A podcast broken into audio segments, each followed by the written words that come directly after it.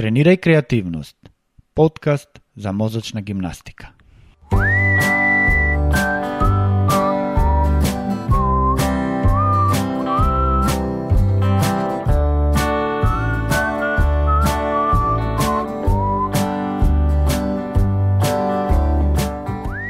Здраво, јас сум Мики, презимето ми е Данаиловски и се чувствувам привилегирано, слободно, слободо умно, што ќе тренирам креативност.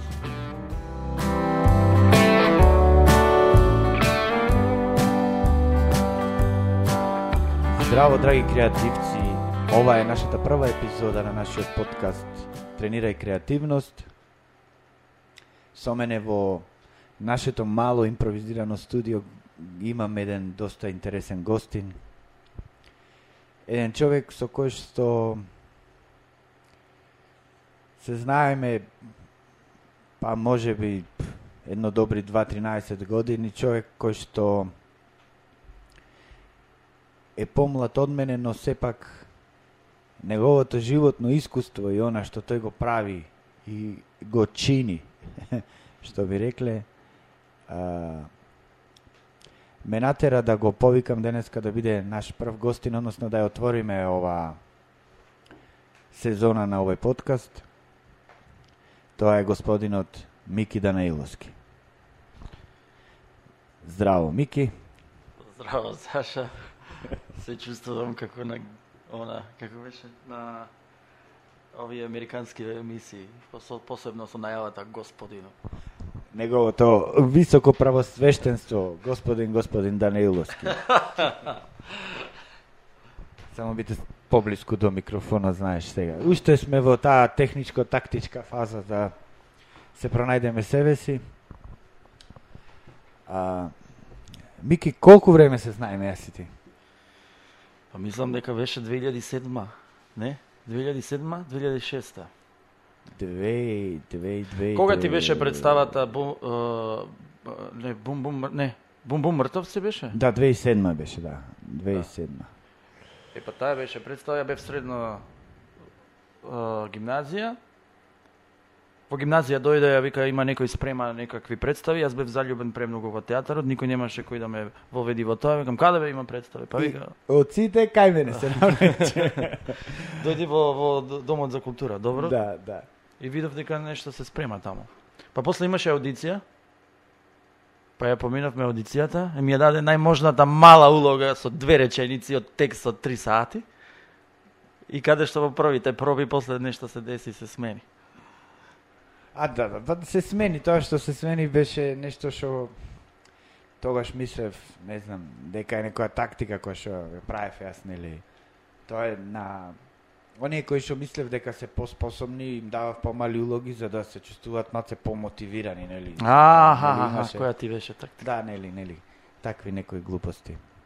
Е, и Мики и од тие таму колку 16-17 години кои кога дојде а, уште тогаш знаеш, те памтам имаше така една доста интересна фризура.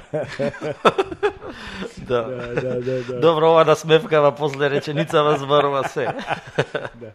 Доста интересна фризура имаше и а, чекај ми. Ама што, зарем тоа не не е некоја различност? Да, да, да, да. И како не каква како не да беше различност. и и после тоа Мики да, после да направивме таа представа Оскар, беше да доста интересна представа со едно 2-30 деца. И Тоа беше вистински предизвик. 30 луѓе да доаѓаат на, на, на проби секој ден по 6 сата. Тоа беше одличен успех за тебе. Па да, да речеме. не, не, не, до, до доста, тоа беа мој, моите почетоци, нели, во режиската бранша, да. нели, и тогаш стварно се работеше со огромна доза на љубов и имавме доста интересна поддршка, меѓу себе си дававме. А, а потоа Мики заврши училиште и замина во Скопје да студира И таму некаде во 2010 година и мене ми текна да се запишам на факултет и Некако со Вики станавме цимери.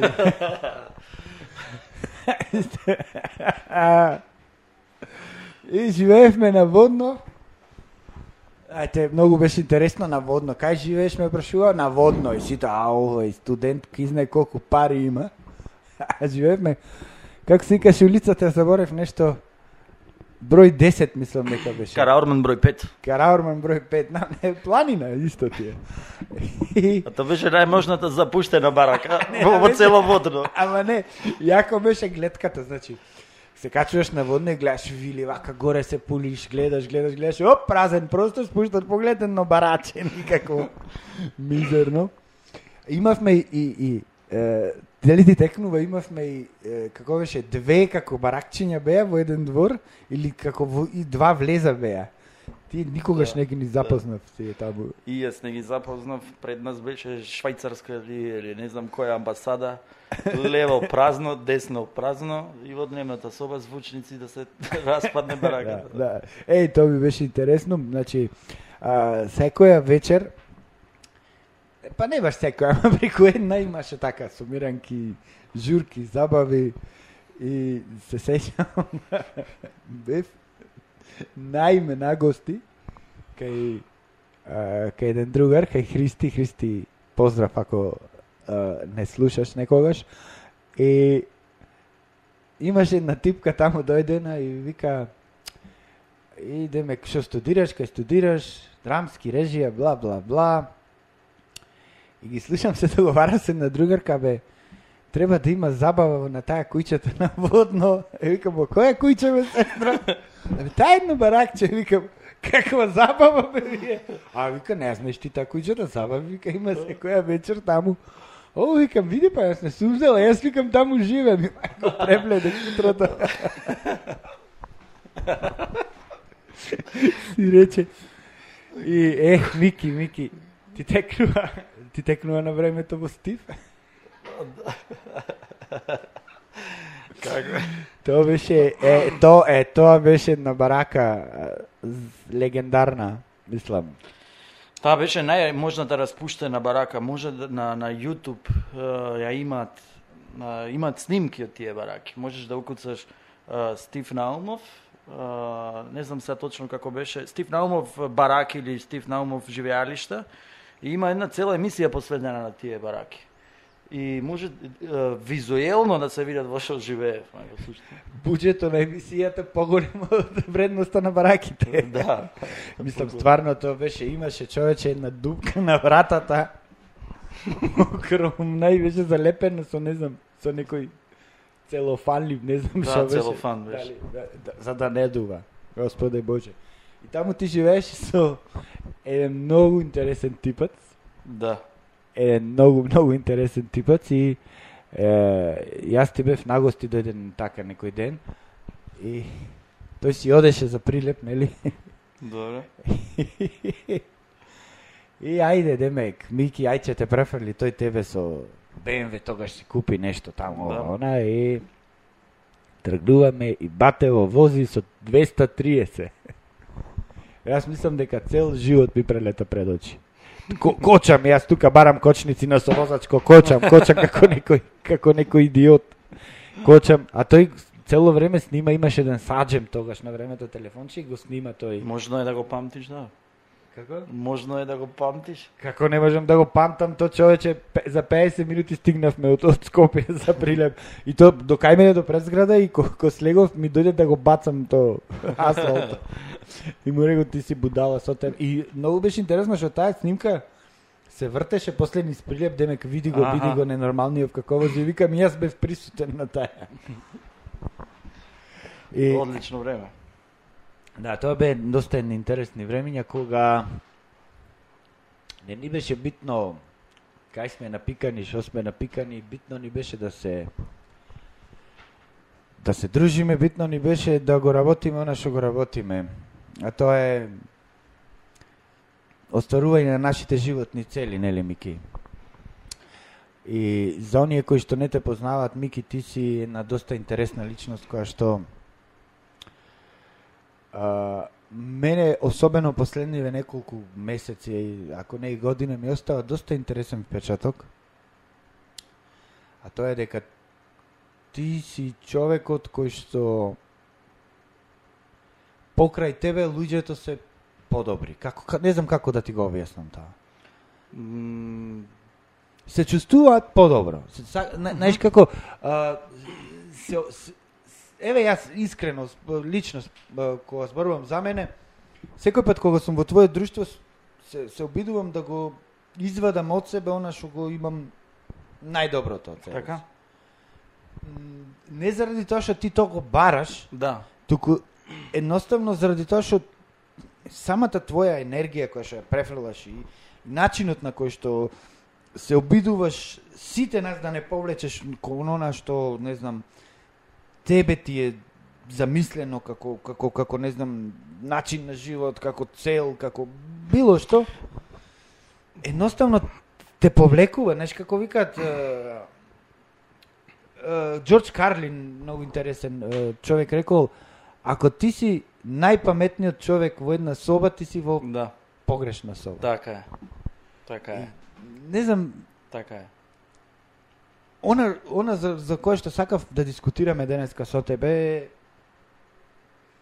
како размислуваш бе ти човече? Мене не ми е како како како еден ден ти онака стануваш и викаш денеска ова го правам. Имам најчесто нели имаме правено муавет многу пати. И јас и низ разговор и низ е, начин на, на, на, на, на функционирање ти имам кажано дека размислувам за тоа како размислувам. А знаеш од каде потегна сето тоа? Од каде дојде сите прашања? Токму тоа претходно што го најави. Од таја собата со со дупката и тој цимерот, ама после тоа ти не ги начека моите други два цимери. Тие беа две глувчиња. Никогаш не ги начека, никогаш не се запозна. Е, ако ги начекав, то готово толку беше пешки си тргнува Да, одма. така. Ама ми ми поставија многу прашања. А, едно од прашањата беа тоа дали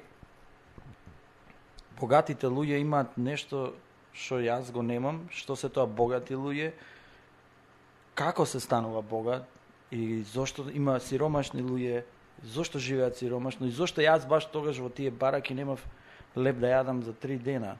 И што немав да јадам леп три дена, спиев два и пол дена со сила сам. И дојде но, друго човече од другата соба, само му реков дали има леп, сув, барем два дена стоен, еден ден стоен, не е битно колку е стоен. Дали има да ми донесеш нешто. Тоа што веќе почна да ми се откажува телото за храна, да ми се тресе. И од тој момент натаму, тоа ти е една е длабока емотивна рана, да ја наречам. Како не, како не сите сме доживееле такви работи. Ама за разлика од сите, за разлика од сите, мене ме толку многу повреди тоа, што кој ќе станам, што прашањето кој што ми го постави, кој ќе станам на Сабајле, прашањето е дали сакаш да се вратиш таму. Сигурно не. Фала Богу дека не, Да, мислам. и стануваш и одиш правиш тоа што треба да го направиш. И ти одговори во процесот, по патот во претходните 11 години, фала му на Бога, ги откривме, ама не само теоретски, него и практично, имплементирано и докажано дека тие функционира. Има правила, има начини, има парадигми, има програми ментални, кои што најчесто викам, ако сакаш да смениш нешто, Ајнштајн како ја дефинира лудоста? Многу едноставно. Ако правиш се што си правил до вчера, резултатот си ти денеска. Што значи тоа?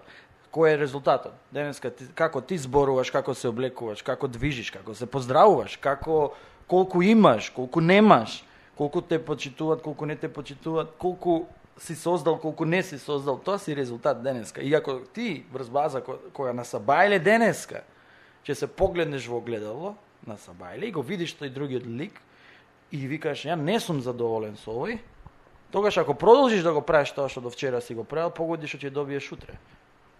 Ист резултат, нели? Тоа е лудост. Да. Не можеш да се надеваш да правиш нешто што до вчера си правил. И затоа јас викам прво треба да се испразниш од тоа што си полн за да се наполниш од тоа што си празен. Во превод кажано тоа би било мораш да добиеш нешто што не знаеш за да добиеш некој друг подобар резултат. Да, да, да, да, да. Сепак, нели, вик, а, интересно да се навратиме на еден твој муавет, викаш, а, зошто луѓето се сиромашни? Мислам дека тоа, зошто луѓето се сиромашни, ако тргнеме да, да го, ма не знам, да го проанализираме, тоа мислам дека е се до мајнцетот, до начинот, баш како што викаш ти, до, на кој се размислува. Вика, поминуваш покрај некоја продавница, нели, и гледаш, не знам, една добра јакна и гледаш цена од, не знам, 200-300 евра и викаш, јас немам пари за ова да го купам. Ако мајнцето ти е различен и ако тргнеш од тоа да викаш, што треба јас да направам Точно, за да можам ова да го купам, точно. е тогаш се ставаш во актив. Се ставаш во актив заради тоа што таа негативност што ти цело време има особено сега, особено сега, верувај ми, а, особено од кога е оваа па- пандеми, пандемијава, нели, со корона, Во наводници. Ма, во наводници, не во наводници, ама муабетот ми е друго. Од кога е оваа цела ситуација, муабетов со секој што што го правиме, значи е тоа е, нема што да се прави, готово пропаднавме. Секогаш има што да се прави. Секогаш има што да се прави. Значи како народот рекол џабе работи, џабе не седи. Така е. Секогаш има што да се прави. Само Саша, ова е толку голема и обемна тема, што може би треба 6 сата. Јас имам семинари кои што ги баш за ова го го дебатираме и се програмираме, кои што траат цел викенд, сабота и недела по 6 сата. Ете толку има многу што да се каже за оваа тема. И, и, и пак уште не е И уште не е тоа тоа, така, Уште не да. е тоа тоа, разбираш? Ама кога би го сумирал сето ова, ја вака би го дефинирал. За, зошто? Затоа што ја не доаѓам од богато семејство. Мене татко ми и мајка ми не ми оставија милиони камиони и авиони. Тоа воопшто, ништо од тоа. Сиромаштијата е психологија. Нормално. Богатството е исто психологија. Доналд Трамп банкнотира 40 пати. И на банката кога пробува да да му го е, конфискуваат неговото злато, злато, извини, богатство, тој вика само една работа. Земете ми се, ама само джетот оставите го. Зошто? Статус? Не. Не. Ментален фитнес. За да си го за, за да ја задржи вибрацијата, психологијата да си ја задржи, за да а, кој ќе удри на дното, да го искористи како најтврда основа за повторна градба. Да, да, да има од кај фактички Само од кај- психолошки да, го да, сака да, да, да, да, да го има. Не заради статус некој друг што ќе каже. Туку за психолошки да биде на тоа ниво да за тој да се чувствува, тоа е психологија да се чувствува, тој за него сиромав е да има милион евра, 2, 3, 10 милиона, тоа е сиромаштија. За тој да се чувствува како билионер, за тој како ние што се грижиме за нашето тело денеска че јадам толку ова, че јадам ова, ние треба да се грижиме и за умот. И точно исто така за тој вибрира на таа фреквенција, односно ајде да го дефинирам ова поедноставно, за да може да да да размислува така богато. Таа психологија на богатство да ја има, тој се грижи за цело време информациите кои што ги добива во главата, да може тие информации да доминираат и врз база на доминантната мисла очите ќе му гледаат понатамошен успех на моменти каде што некој гледа неуспех. Како ти ја гледаш коронава? Или кој ситуацијава со коронава? Дали ова Uh, как имам еден фантастичен пример пред Втората светска војна, пред да ти го кажам, сакам да те прашам и да ми одговориш. Како ти ја гледаш оваа ситуација со корона? Па види, е, како ја гледам. Ја гледам како една ситуација во која што некој успешно ја користи оваа ситуација која што е нели со коронава за да наметне мож, не, не би сакал да звучам како некој, не знам, те- теоретичар на заговор, ама за да наметне еден нов начин на размислување кај луѓето. А претежно или првенствено ја мислам дека сака да наметне некој страф. Така ја гледам целата корона. Мислам, да не одиме од тоа дека Да. некои луѓе се збогатија премногу, бла бла бла политики или не знам што. Ама јас мислам дека некој успешно ја користи ова целава ситуација за да ни наметне некој страф. И тоа што а, и а, нели кога човек е, е во постојан страф, бара прибежиште, бара некој кој што ќе го спаси, нели? И тој истиот кој што ти го наметнува стравот, тој всушност ти се представува како спасител, нели? Оној кој што ти го продава стравот, на крајот ќе ти ја прода, ќе ти ги продаде јапчињата, нели? Да, ама вака ќе ти кажам нешто. Стравот е онна предплатена камата за долгот кој што никогаш не си го позаемил. Да, да, да, се јас Што сакам да ти кажам? Цело, значи јас цело време се согласувам, извини што те прекинувам. Цело време се согласувам со тебе. Но работата е што а она што се случи, што се случи од март навака, што се што се случува.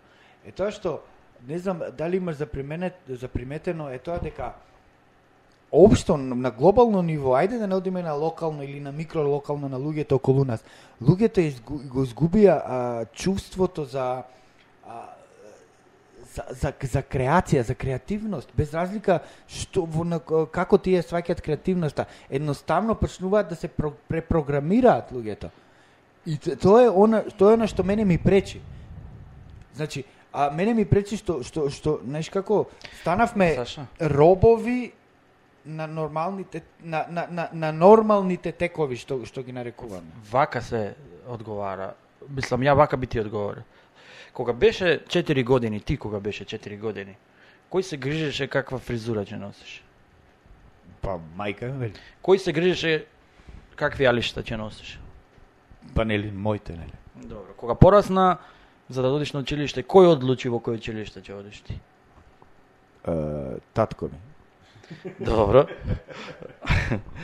После тоа, а, цело време низ годините, кога требало да носиш одлуки, некој друг ги носел одлуките за тебе.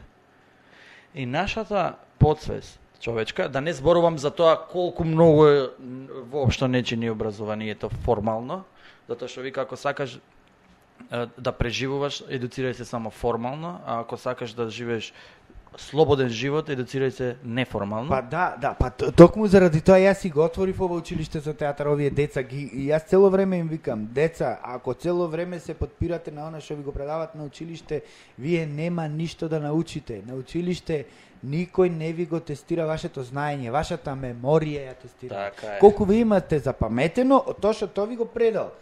И, и работата е што образовниот систем е така поставен за да, да имаме осредност осредност, една средина кај луѓето. Да нема, например, а, нормално се издвојуваат некои нагоре, некои одат надолу. Ама работата е ако сите одиме нагоре или сите одиме надолу, тогаш станува опасно за, за, за тие што контролираат општеството. Ако бидеш премногу паметен, а, ќе речат, овие што не водат, не, не заслужуваат да не водат. Така и ќе ги сменат. Ако бидеш премногу паметен и влијаеш на маса народ, Нормално. е тогаш. Е, тогаш е опасното. Да. Или ако бидеш премногу глупав, па ништо не ти смета да земиш една палка и да му влезеш со Да. нели, да како што се случи, Да. така? Да, само да се навратам да не избегаме од темата за делот кој одлучува, кој одлучува. Тоа значи дека цел живот од некој друг одлучува за нас.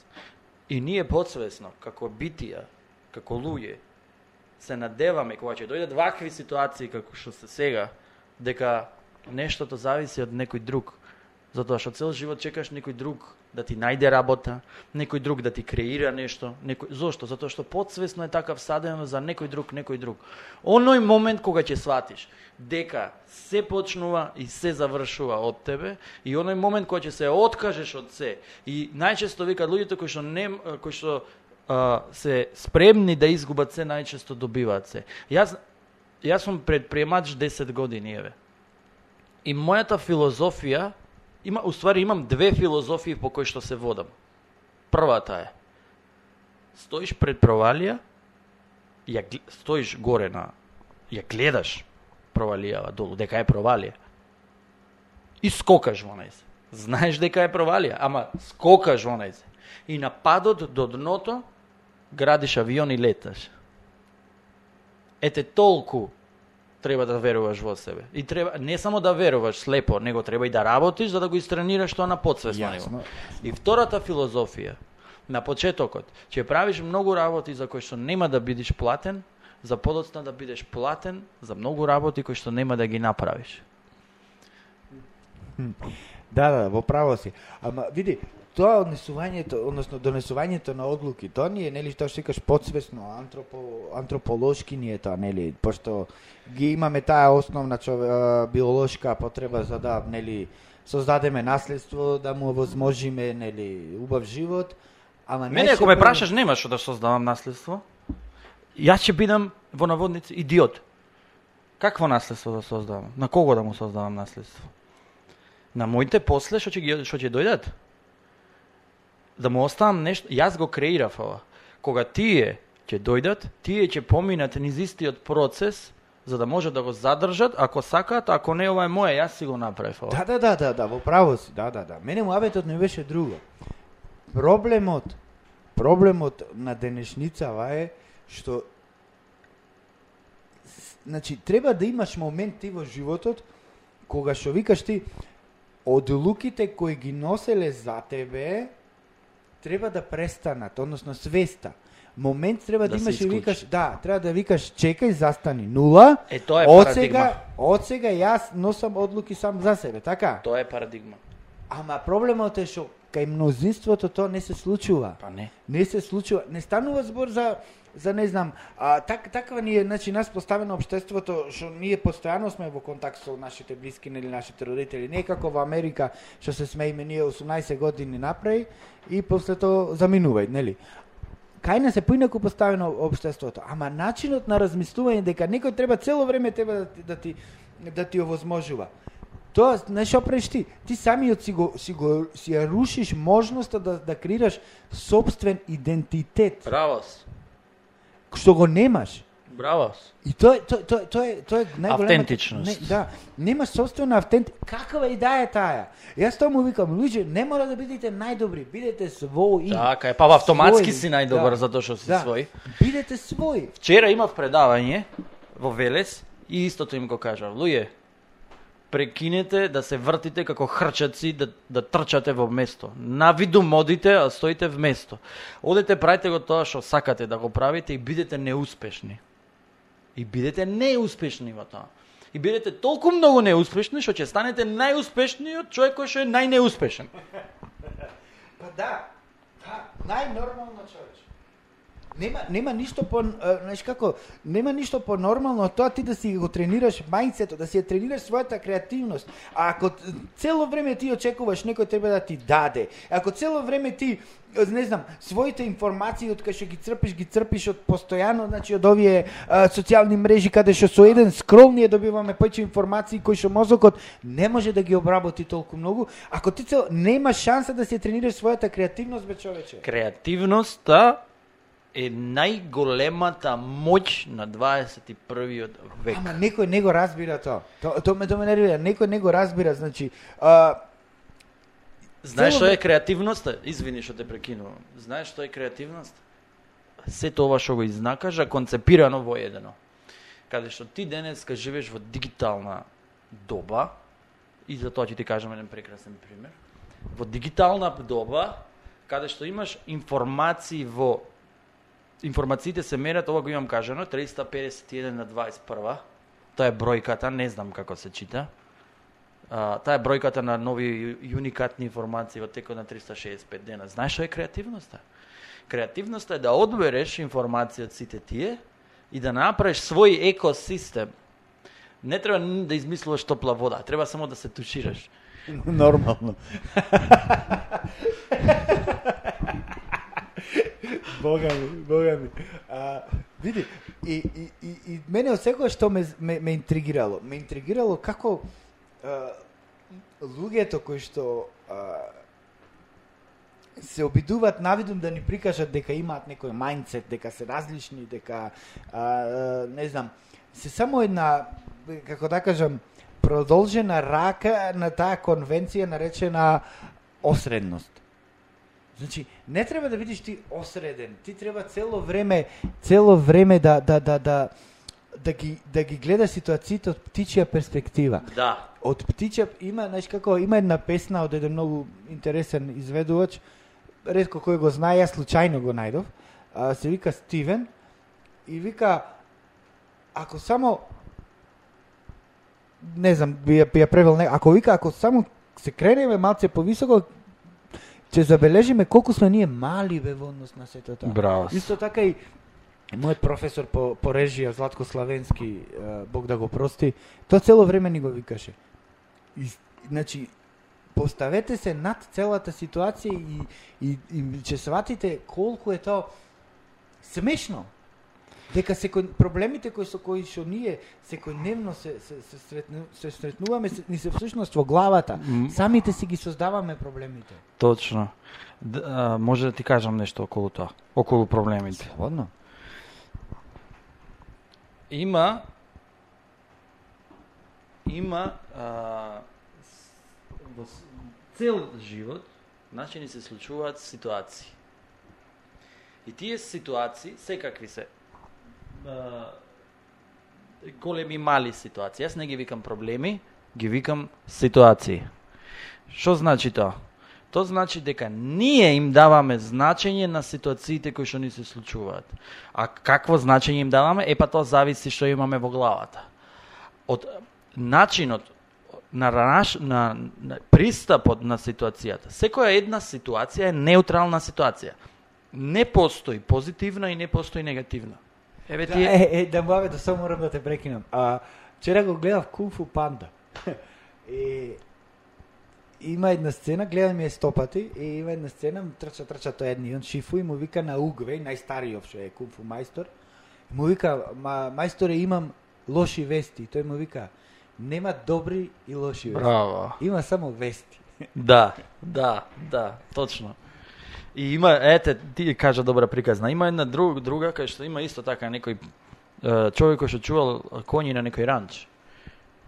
И истиот тој Црни се коњите или бели? Црните твои се? Твои се. А белите? и мој тие се. Извини. Ова со овци е. И а, ги пуштил да да трчат, исто така имали син. Ги пуштил да трчат и двата коња побегнале. И тат, син му доаѓа и вика тато, тато, леле катастрофа ни се случи. Што сине? Вика двата коња ни ни побегнаа. Па не знаеме дали е тоа добро или лошо, зашто го карактеризираш како катастрофа. Вика, «Да не знам, добро. И по два дена се враќаат двата коња со уште два други. Четири. Еј, тато, дојде четири коња. Супер, супер. А, не знаеме дали е супер. Ќе видиме. Дали е добро или лошо. Добро. После тоа, за да ги смират овие два други нови, синот се качил едниот да го смири најавање. Паднал и се скршил ногата. И Вика, еј, тато во право беше. Не знаеме, гледаш зашто не знаеме дали е добро или лошо. Гледа се колку лошо ни се случи. Не знаеме дали е лошо сине ова што ти се случи. По два дена доаѓа да го регрутираат синот за во војска и гледа дека му е скршена ногата, да оди во војна. И викат, не можеме да те регрутираме. Еј, тато во права беше, се е за добро. Сине, не знаеш дали има позит... не знаеш дали е тоа позитивно или негативно. Поентата е само ти како реагираш на таа ситуација. Дали ти имаш проблем, сега те прашувам. Дали ти имаш проблем сега, Сега моментално, моментално? Освен то кафе што ми се пие, моментално немам некој проблем. Ама што сакам да ти кажам, сега во оваа временска рамка од една секунда до 3 секунди, ти во таа временска рамка живееш. Сега живееш, не живееш понатам. Да. Не живееш вчера и не живееш утре. Сега живееш. Има само еден момент и тој се нарекува сега. Проблемот со стравот и проблемот со проблемите е тоа што ние си правиме сценарио во главата кој што никогаш може и да не се случи. И тоа ти се вика парализа од анализа. Така е. Така е, така е. Од тоа го имам осетено лично врзмен и тоа ми се случи пред неколку месеци. Значи, нели ова, корона, бла, бла, бла, се се затвори човече. И јас не знае, бе, знаеш што ми се случуваше, знаеш, знаеш што ми се случуваше. Не знае кој крај да го фатам, човече. Две деца дома, жена женава без работа, на една пензија, што да правам? Е, па, И не- кајде даваш буквално фок? се парализирав, човече, буквално се парализирав. Немаш појма, знаеш, се осетив себе си дека сум зомби. Дека сум зомби и дека сум сведен на тие примални а, а, дразби да си обезбедам за јадење, да си обезбедам не знам ова. Е, тоа е, тоа е кога човек ментално расте, кога ќе ги надмине тие тие работи кои што ти ги кажуваш. И да ти кажем што ми се случи. И една вечер, знаеш, јакаме главата, не знам што правиме, ова, она, ти реков ми рече, нема пари, нема ова, чо, не знам. Зошто фокус на тоа, И- пример? И реков само само само си реков тоест во главата и реков ај да пробаме да не размислуваме вака. Да не пробаме да размислуваме дека нема пари. Значи, Тоа е свичот. Знаеш како? Вика, утврде, утврден е фактот дека немаме пари. Па Јесте, точно. Да. Ама сега што правиме со тоа? Што правиме со тоа? Сватив дека, уствари, она со која што најмногу сум си се замарал, јас е се сами од себе си. А ако и ако ја погледнев работата од тичија перспектива, немаше тие 2-3 месеци јас да ги изгубам во, во траскање на главата. Од дрвото не можеш да ја видиш Да, шумата. нормално. И, и, и, и, и што викаш, свичот се случи така, што мајнцетот ми се промени. Ма, не, не, не, не, не, мајнцетот не дека некој ми препрограмила, она што што што викаш ти, што ми е внатре. The gut feeling. Да, the gut feeling почна тој да ме води. И на крајот, може изгледа трагично, може изгледа тинеџерски, попатно изгубив многу пријатели. Да си ми жив и здрав, заради тоа што тие никогаш не се пријатели. И заради тоа што ние глумиме пријателства од интереси кои што сакаш да ги земеш во иднина. Е, тука може некој воопшто и не ме ни сака, може зборува се и се што, ама не ти глумам дека јас те сакам, заради тоа што треба да имам интерес од тебе. Нормално, нормално. И тие лажни пријателства не доведуваат до, до грешни чувства, до изневерувања, до некои морали кои што се на дно дна лажно чувство на денеска. сигурност имаш. И до лажно чувство на знаеш, она-. Она, она, она, Ама- најглупото. Мај, мајчини, јас те поштовам тебе, во три да ми се јавиш, Важи, во три идам за тебе. Абе, како идење во три ми се јавиш, ти мене во три, ма то треба три лепе пизде материне. Да. Тука сум работил, сум мрмбал цел ден, тие 7 сати ми се за спиење. Зошто? Заради тоа што ти си имаш проблем. Реши си ги проблемите, бе, друже? Реши си ги самиот со себе? Така? А пошто ако ти прво не можеш да си помогнеш себе си, јас како би ти помогнал тебе? Така е. Ако ти цело време ми викаш, а, не чини, не чини, не чини, не чини, не чини, ти не можеш да видиш дека чини. И најбитното од се, Мики, она што јас се обидувам да го пренесам на овие деца кои што е, идат кај мене сега во некој си минимален број, ама и цело време тоа го викам. Дечки, научете се на нешто што се нарекува одговорност за одлуките и постапките кои што ги чините. Да. Пошто ти ако земам, ако земам сега јас тебе ти го акнам овој телефон, најбанално, ако ти го скршам овој телефон, прво има да се скараме овде, второ ќе треба да ти го платам тој телефон. Така? На во најбанална работа, па да не одиме, да не одиме до, до најголеми работи, то, то, то денеска на, на, на кој начин ти размислуваш. И дека ако ти се програмираш да размислуваш негативно, ти треба да се сносиш со последиците тоа негативно размислување. А, не знаеме дали е негативно или позитивно. Зборувам, вака, слушнеме ме сега. Ние функци... ова ќе ти го кажам чисто само колку да да еден, мал дел ова е многу да има за зборување и за објаснување, али ајде вака. Ние кога ќе се случи ситуација, тогаш носиш одлука. А одлуката на што се базира? На претходни информации и искуства во твојот ум и мозок. И така носиш одлуки ти. А ова ми се има случајно, ова, ова и ова. Е, сега овде, ова ќе, на оваа ситуација ќе реагирам вака. Врз база на, на твојата, Да, да, на твојата доминантна мисла, се нарекува тоа. А таа доминантна мисла е соз- создадена од шест фактора, или пет, пет или шест фактора. Првиот фактор е таму каде што си учел. Од мал. Тие што ти дале првата, првата парадигма.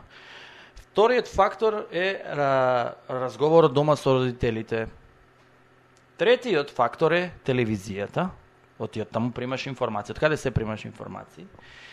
Четвртиот фактор ти е ньюсфидот на твоите социјални мрежи и петтиот фактор се луѓето со кои што дневно комуницираш, твоите пријатели.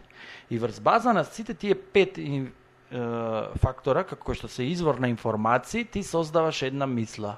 Ако сакаш таа доминантна мисла да ја смениш, мораш да ги промениш тие пет а, извори на информации и да пуштиш нови начини, нови системи. Во процесот ќе изгубиш многу пријатели.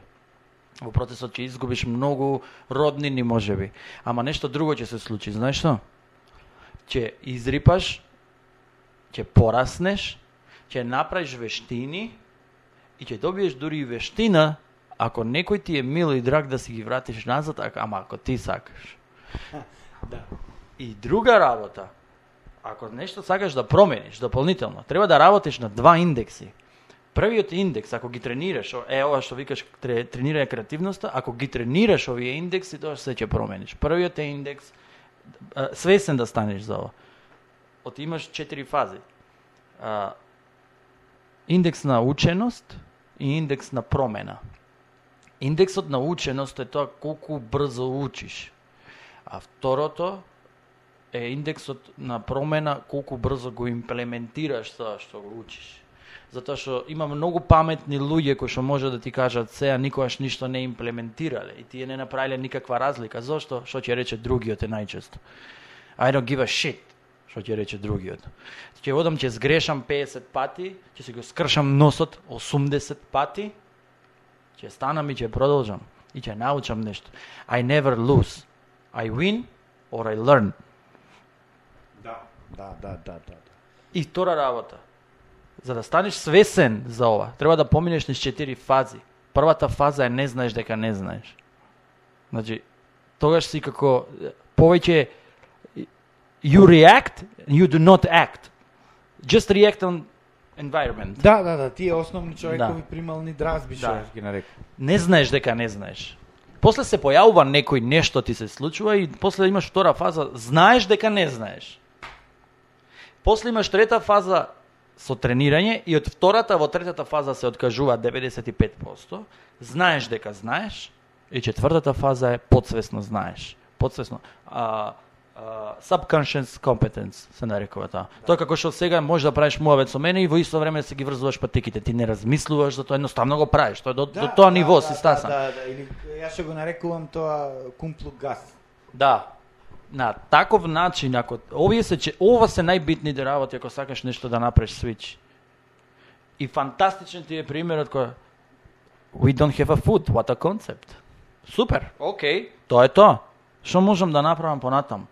Има еден златен круг се нарекува во кој што исто така многу многу многу помага при донесување на, на одлуки. И сето ова што ти го кажувам, еве сега јас ти го кажувам и сега го правиме муавет во 4-5 минути.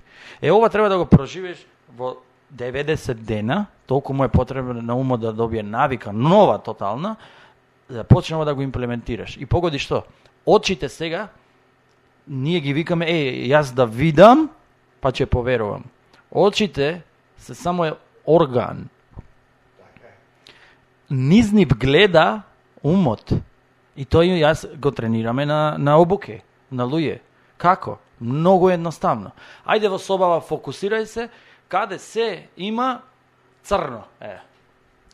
И се фокусира. Па баш на црното му се за.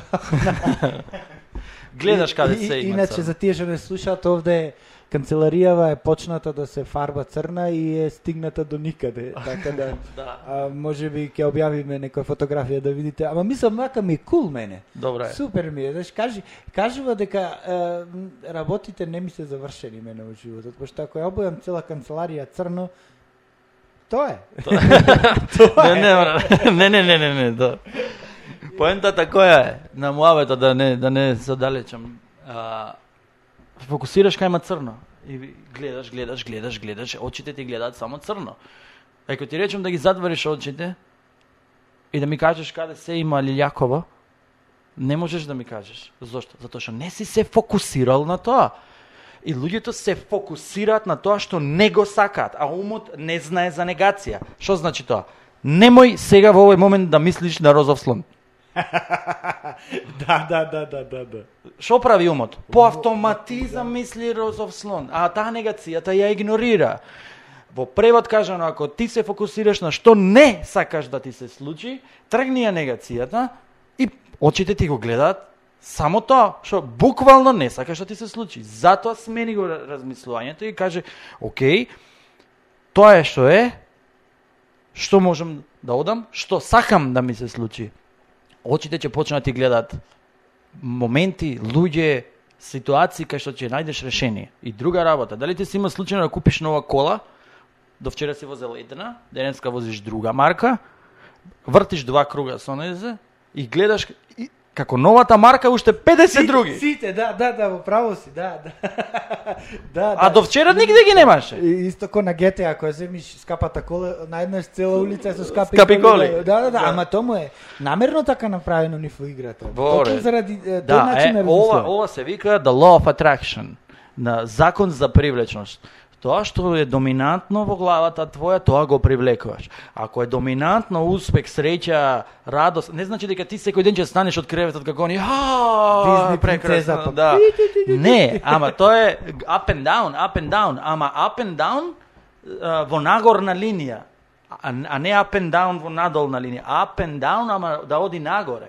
И така, тоа е среќата. Среќата не значи константа, не значи права линија, не значи праволинство туку константан up and down во нагорна линија. И ако ти доминантно држиш таква мисла во главата, погоди со какви луѓе се дружиш, погоди какви можности ти доаѓат, па макар и да немаш, дури да си само среќен човек за фракан, да да да да да да да, да, да си креативен, луѓе ќе доаѓа, види го бе човек кој како каква персона е. Ако ништо друго, јас замисли дека ово некој бизнисмен од негаде, не знам каков, вика види го бе каков е, барем што заради што е ваков, што ми е монотон дено, ќе го седнам до мене, ќе му дам да преместува чашава лево десно само да биде и да ми прави подобро да се чувствувам.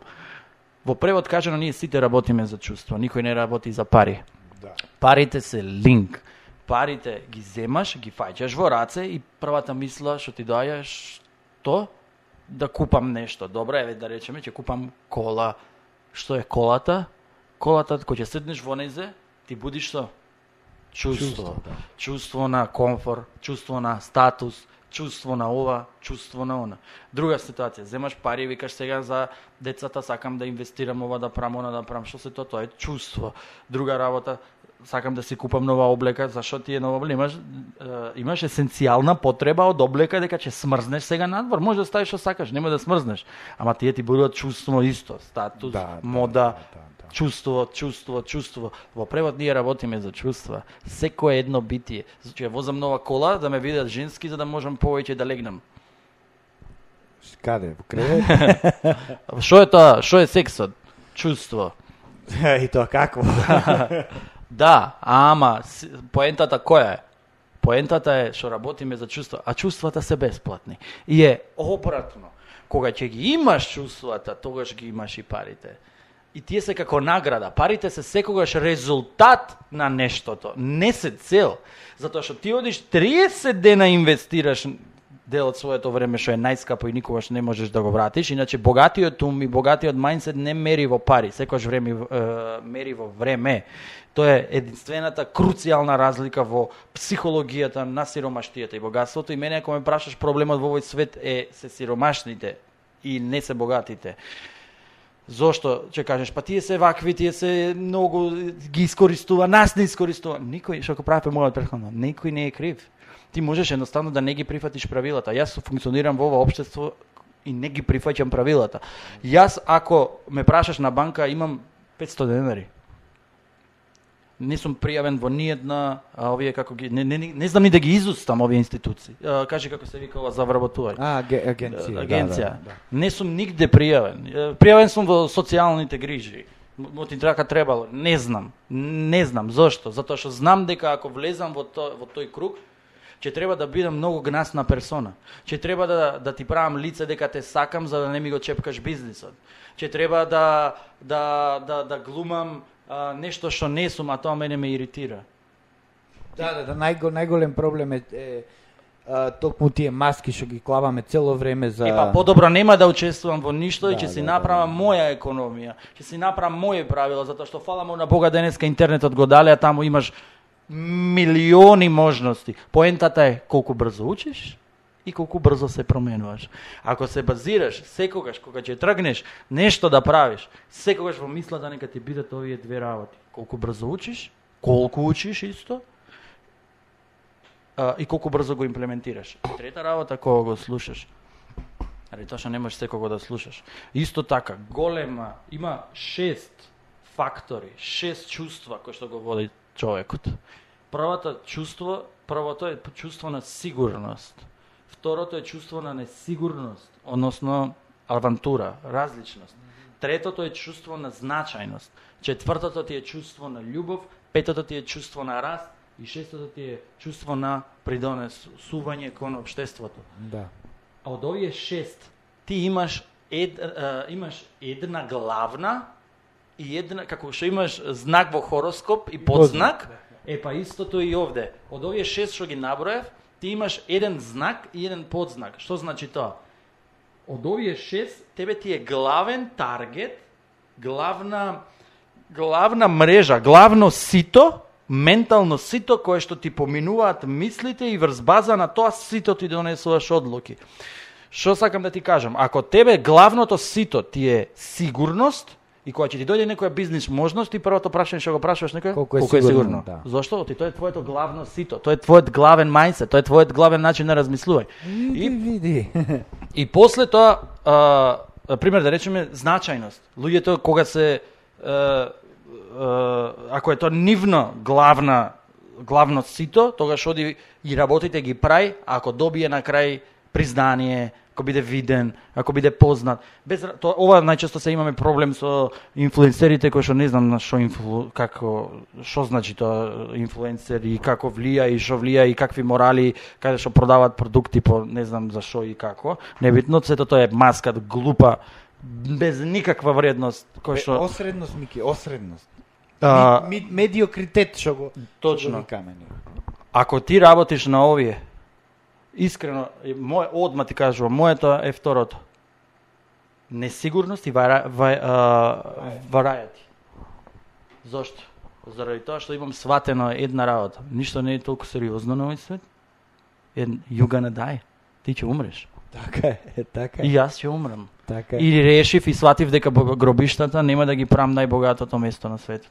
Кај што со мене ќе ги однесам сите мисли, неостварени, сите идеи умрени, закопани, книги може би не напишани, зборови вака не искажани, Не, таму ќе одам празен, празен буквално код труп.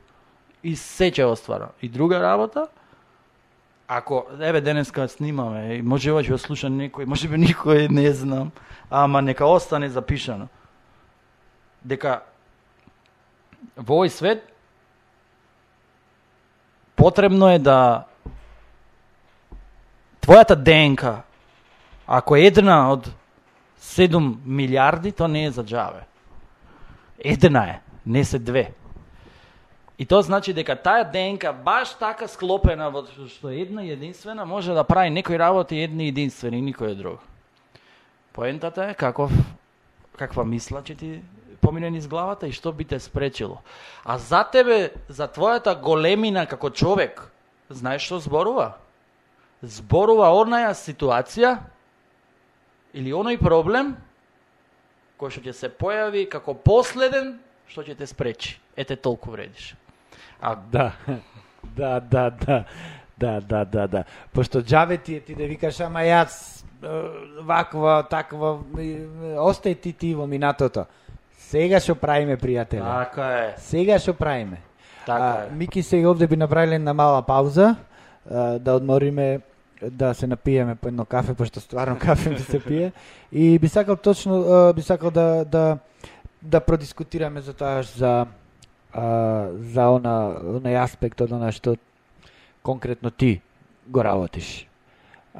Драги мои, се враќаме веднаш по малата пауза.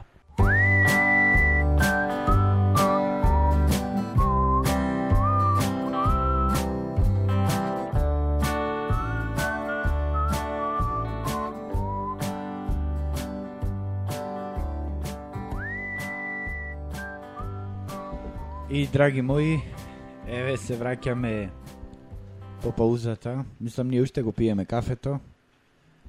Ама еве малку одморивме некои 5-6 минути. Добро де? Пат кажам нема се за време. Е, моментално имаме проблеми, немаме ни интернет, нешто. Поздрав до мојот провайдер кој што вика сите оператори се зафатени, цело време се зафатени. а цело Тогаш. сите се зафатени секогаш, да. А Мики, она за кое што би сакал сега малце да поразговараме е всушност за оние кои што нели ќе те слушаат, ќе речат овој дечко стварно многу паметно зборува. еден збор, еден алтан му е, ама што е она што тој го работи, како како си го исполнува своето професионално време? Мислам, Моето приватно и професионално време е едно време. И никогаш не, ги- не, не ги делам. Зошто? Заради тоа што она што ми исполнува приватно е исто оно што е и професионалното. И никогаш не, не, не се поделени. А, чекай да стегнем. Да. Кој кат мали технички проблеми. Да. Сакаш да кажеш дека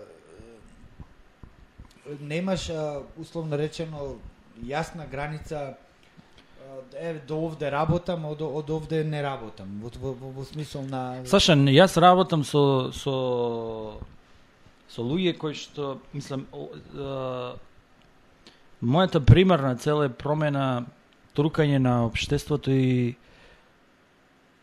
кршење на статус квото. А, тоа статус кво може да биде твое лично персонално или може да биде обштествено статус кво.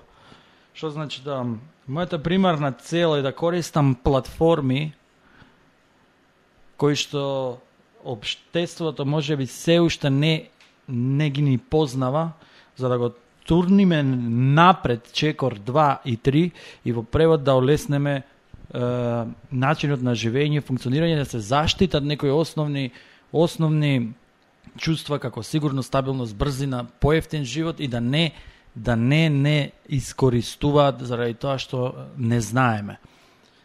А не знаеме заради тоа што така ни е наметнато.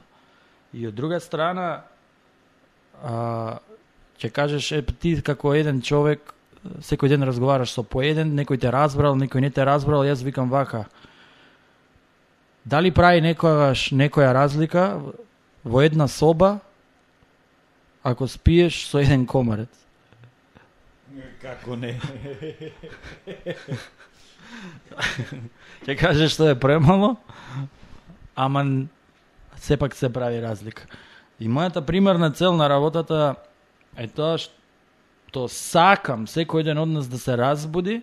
Не може секого да го разбудиме и не може нормално секој да прави едно исто, но да се разбуди и да го турниме, да го туркаме обштеството напред, едноставно како локомотива, да бидеме, да не бидеме вагони на работи кои што се уште не им се познати, како што е сега во овој момент делот со функционирање на блокчейн технологијата, која што моментално е моја примарна цел, за да се имплементира, за да го ослободиме да човештвото, односно ајде да речеме нашето општество од стегите на на експлоатираноста која што ни ја наметнуваат. А тоа се не би објаснувал, но тоа е една од од технологиите кои што дефинитивно ќе ни донесе огромна слобода на функционирање. Да, на, токму она што ти го велиш, дека всушност вредноста на, на, на, на парите а, нема да како да кажам, нема да биде издигната на толку условно речено божествено ниво. Вака, Саша, парите пак ќе се повторам се резултат на што? На некоја друга вредност. Ако ти на маркетот му дадеш вредност, ако му покажеш ако ти пласираш вредност на маркетот, маркетот сам тебе ќе те препознае и ќе те награди со пари, со камиони, со авиони, со, со, со било што. Што значи тоа? Ние треба да бараме да пласираме вредности. А како се пласира вредности? Тоа ти е значи некоја решение на некој проблем во кој што моментално човештвото или општеството или човекот го има. Ако ти знаеш модули, начини како да решиш нечи проблем со твоето знаење, со со, со тоа што ти го имаш во тебе, тоа значи ти пласираш вредност. Кога ти ја пласираш таа вредност, потребно е време да биде препознаена и нормално, низ процес ти ќе бидеш награден тоа. Поентата е тоа што ние живееме во свет каде што се сакаме да земеме, а ништо не сакаме да дадеме. А тоа што некои луѓе вика ќе му дадеш мало прста, ќе ти ја земе цела рака, окей, нека земе двете раце. Ама пак ќе се врати. Зошто? Затоа што само ќе ги земе и па ќе тресне од земја. Не можеш, има една добра реченица, вика Виктор Франкл, измачуван во Аушвиц. Знаеш што вика? Можете да ми правите што сакате, но она што не можете да ми го земете е начинот на кој што јас реагирам на тоа што вие ми го правите. Да, да, да, да. Uh, да, нели, uh, тоа е една до, доста интересна анекдота, мислам, и, и која што... Uh, и види, uh, Аушвиц еве се случувал кога? Во 42 година, нели, за прв пат е имплементирано тоа, нели, од страна на нацистите. И од тогаш поминале колку? 80 скоро години. 80 Да. години поминале и она што мене ме интригира е што треба ние да правиме за за за што викаш ти да не бидеме манипулирани. Што е она што ти на, на, на твоите соработници, на твоите а, слушатели кои што ги слушаат нели тие а, семинари а, кои што ги одржуваш и тие работилници и преку на што ти го работиш а таа е нели тоа е таа блокчейн блокчейн технологија нели а, а, се обидуваш луѓето а, полесно нели да ја разберат а, потребата од промена на како да Индексот на промена, да. да, точно. да, по, по, по, по, не, Па еве гледаш зошто е тоа битно, затоа што Евростандард банка ја снема преку ноќ. А најголемата доверба на луѓето за собствените средства е во банките. Тоа не е- тоа е булшит, тоа е глупост. Да, да, да, е па тоа тоа што што сакав да го кажам е всушност а, она што са, што што се обидувате вие со со твојот тим кој што е нели доста интересен и поздрав до целиот тим кој што а, соработува со тебе е да, да го промените начинот на размислување дека овој а, условно речено финансиски систем кој што е воспоставен уште не знам Ова антички финансиски антички систем. финансиски систем и кој што нели а, во почетокот на 20 век некој успешно се обидел да изманипулира и, и, и манипулира уште нели со тие федерални резерви и бла бла бла ти реков Да. рече а е нефункционален. Па на секој 30 години се докажува дека е нефункционален. Да, да, да, да, во право си. Нели имавме во 80-тите една голема економска Да, финансиска криза, да. па 2008 се случи Да. сега. Ова нели му, му беше Сега, наводно непланирана, ама а, овој финансиски а, овој финансиски систем е навистина не, не, нестабилен.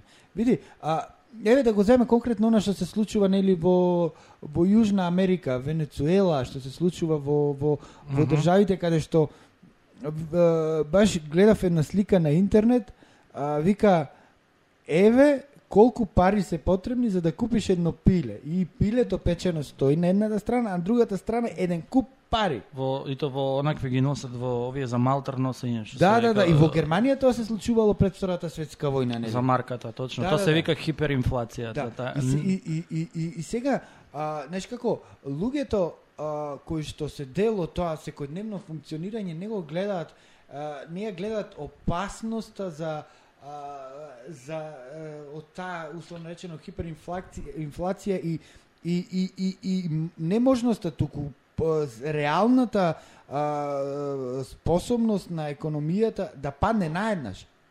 Тоа е Нула, да парата да не вреди нула. Ништо. Значи, она што мене ми, ми останало од твоите предавања, значи јас сум бил дали како гостин, дали како логистика на твоите предавања е тоа што кога ќе речеш оваа пара вреди толку, на пример овие 100 денари вредат толку, Затоа што јас И ти сме се договориле да вредат, Е точно. сега нас ни треба некој реален како да кажам а, а, ако веќе е тој условно речено тој систем воспоставен условно речено на договор и на доверба нас ни треба нешто што ќе ни ја штити таа доверба Точно. И јас мислам дека таа блокчейн технологија, односно воведувањето на криптовалутата како како начин на функционирање сега за сега се надеваме дека нели ќе се измисли уште нешто подобро, ама сега за сега е толку сигурна заради тоа што нема сигурност. нема допир со како да кажам човечка рака, Рака. не го допира тоа. Точно. И, и, и зато зато реков сакам сакам да Бл- позборуваме. Блокчейн технологијата не- е, е технологија која што први ги нападна парите. Значи први ги нападна парите таа технологија, но тоа не значи дека само тие ќе останат. Блокчейн технологијата е многу повеќе од колку криптовалутата. Ти блокчейн технологијата, на пример, еве сега ако зборуваме конкретно за биткоин, биткоинот ти е, е само име, бренд, да го кажам, на код. Тој код е букви и бројки. Исто како трансакцијската сметка што е само бројки, вамо имаш и букви и бројки што е уште подсложено за да можеш нешто да го хакираш. Биткоинот е делив на а, милион парчења.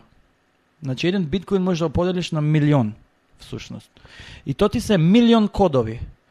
Е тие кодови ти можеш да ги врзиш за евра, за долари, за киловат часови потрошени енергија, можеш да ги врзеш за пиратеријата, да ја заштитиш музиката, колку имаш луѓе кои што пиратски даунлодираат песни, филмови и така натаму. Тој код можеш да го можеш да заштитиш право на собственост. Колку луѓе имаат проблем кога некој ќе им препише некаков документ и после тоа некој ќе се прави на будала дека ова не е правилен документ, па ти фали уште два документа, па ти фала уште пет печати, па ова не е вака, па она не е така. Значи тој код може да го врзиш со секој со о, било кој документ. Тој код можеш да го врзеш со смарт договори, паметни договори меѓу фирмите кои што ќе соработуваат автоматски да се извршуваат условите кои што ќе бидат наведени однапред предвидени и сето тоа да функционира без ниту еден посредник и тоа да, да, да не кошта ништо 0,001 евро да кошта сето тоа. И друга работа, на платниот систем сето тоа оди преку криптовалутата, истото така кое што можеш да го врзиш. Во превод кажано, нема да ни бидат потребни никакви нотари за да ти завери посредник. И блокчейн технологијата е ултимативната сигурна која што јас знам како функционира сега може би на некои луѓе ќе им треба малце да истражат околу тоа, но супер е. Ако и тоа да го направиме некого да заинтересираме само да го изгугла, нашата мисија е успешна. А, а она што ние го правиме е тоа што на почетокот ти го кажав. За некого ово звучи научна фантастика, ама и смартфонот во 90-тите години, кога седевме и ваква емисија би правеле во 90-тите години, кога ти кажав, Саша, имаме една мрдната идеја, дај да направиме еден рамен екран на тач, па кај што ќе може телефонот во джеб да го носиш и кај што ќе одиш, од сегде да правиш муавет. Имаш ти две опции, да ми кажеш ти си тотална будала или си одличен визионер. Е, па истото и сега. Да, да, Можеш да ми кажеш, а, ова зна кај не знаеш кога ќе дојде? По 20 години. Супер, тогаш имаме 20 години предност. Пред другите. Зошто? Не е прашање дали, прашање е само кога. Кога? Да, да. Така да, Да, да, да. а што правевме преска муавет? Ако ние пласираме вредност, дали ова не е вредност? Дали решава голем број проблеми ова, што ти го кажувам? На луѓето? Па би требало да реши, нели? Решава дефинитивно. Би требало Им го штити капиталот, нема инфлација, средствата точно се знаат каде се, јавни банки, секој да биде своја банка. Airbnb знаеш што е? Како не? Bolt знаеш што е? Не, немам слушнато што е тоа. Uber знаеш што е? Убер знам, да. Е па и Bolt е исто како Uber. Аха, аха. Исто, исто големи се, и Bolt и Uber. Значи, Airbnb ти е најголемиот хотел без ниту еден хотел. Uber ти е најголемата такси компанија без ниту едно една такси. Криптовалутата ти е а, а, Најголемата банка, банка. без ниту една банка. Без ниту една фили, филијала. Да, а секоја филијала е секој од нас со самиот смартфон. И тоа е поентата, значи ослободување на на на на на, на луѓето на економскиот систем и на нивниот капитал. И, и замисли, замисли кога тоа би се случило, колку колку луѓето би биле по по по, по, по повеќе време би имале да размислуваат на на креативни работи веќе. Да си жив и здрав. Да си жив и здрав, затоа што ќе бидат ослободени, ќе има прераспределба на богатството. И немој да се чудиш ако во наредниве 10 години луѓе кои што можеби немале леп да јадат ќе станат стварно многу е, моćни или обратно некои кои што биле моćни ќе немаат леп да јадат. Затоа што еве и сега со оваа ситуација тие што први не се адаптираат сега во оваа корона ситуација почнува да да да да паѓаат. Така да а, тогаш би биле дефинитивно покреативни затоа што би имале ултимативна сигурност за се што а, градат. И друга работа, тогаш на политичарите а, а, се ќе им биде јавно, се ќе им се знае кој е каде оди, никогаш не можеш да крие ни една трансакција и затоа ја што го зборувам сега многу го оспорува да не се оствари затоа што некој профитира. Нормално, нормално, нормално како и нели како и на почеток. Аха, извини што те прекинувам. Тој код што го спомнав може да биде врзан и за гласањето. Да не може никогаш никој ништо да промени. И тогаш транспарентно блокчейнот е, е, е јавна книга а таа јавна книга може секој да ја има во својот компјутер. И кога се прави било каква промена, автоматски се прави промената на сите компјутери. Моментално можеш да видиш на една страна се вика nodes.com Тоа се нодови или да речам тоа се компјутери по цел свет каде што парал... тоа се банки да ги наречам. Можеш и ти да постанеш таква банка. Можеш да го даунлодираш тоа и автоматски во сите компјутери симултано се менува се апдейтира, да речеме, кога се прави некоја трансакција. А ако сака некој нешто да смени, да упадне, да хакира, да, да промени, ќе мора во иста секунда во сите, сите компјутери. А тоа не е возможно. Не, не е возможно. Е, па тогаш не може ни да промени никогаш ниту еден глас, дали отишол вамо или тамо или не знам каде. Значи, тоа е ултимативна сигурност која што општеството ќе добие. Нема да се фокусира дали некој ги лаже, дали некој ги преварил, дали некој парите биле потрошени за ова, за она. Сето тоа е јавно на јавна книга ќе се го имаш дома во компјутерот. Е тогаш ќе бидеш ослободен да креираш работи во кои што во тогашно време ќе може луѓето ќе осетат потреба за нешто друго. И тогаш па да да да да. Види најшо е, е мислам генерално проблемот кај нас што нели а, системот ни е така поставен за да бидеме нели да кон, кон, конзумеризам. Општо конзумеристичко општество И сега а, начинот на кој што ние го разбираме тој конзумеризам е нели преку парите, нормално. Дали си слушнал и... за за ескипизам? Како не, како не, како не. Тоа е најголемата бизнес индустрија во светот, ескипизам. Нормално, нормално. Алкохол, коцкање, дрога, дрога и забава. Да, а, а, а на што се должи тоа? На што се должи тоа? На што се должи а, потребата од тој ескепизам или потребата за бегство од реалноста? Зошто е, например, тоа бегство од реалноста ние а, зошто ни би, би ни се потребни такви условно речено стимулативни средства за да избегаме од реалноста? Знаеш зошто? Знаеш, јас ќе ти кажам по мое лично искуство зошто.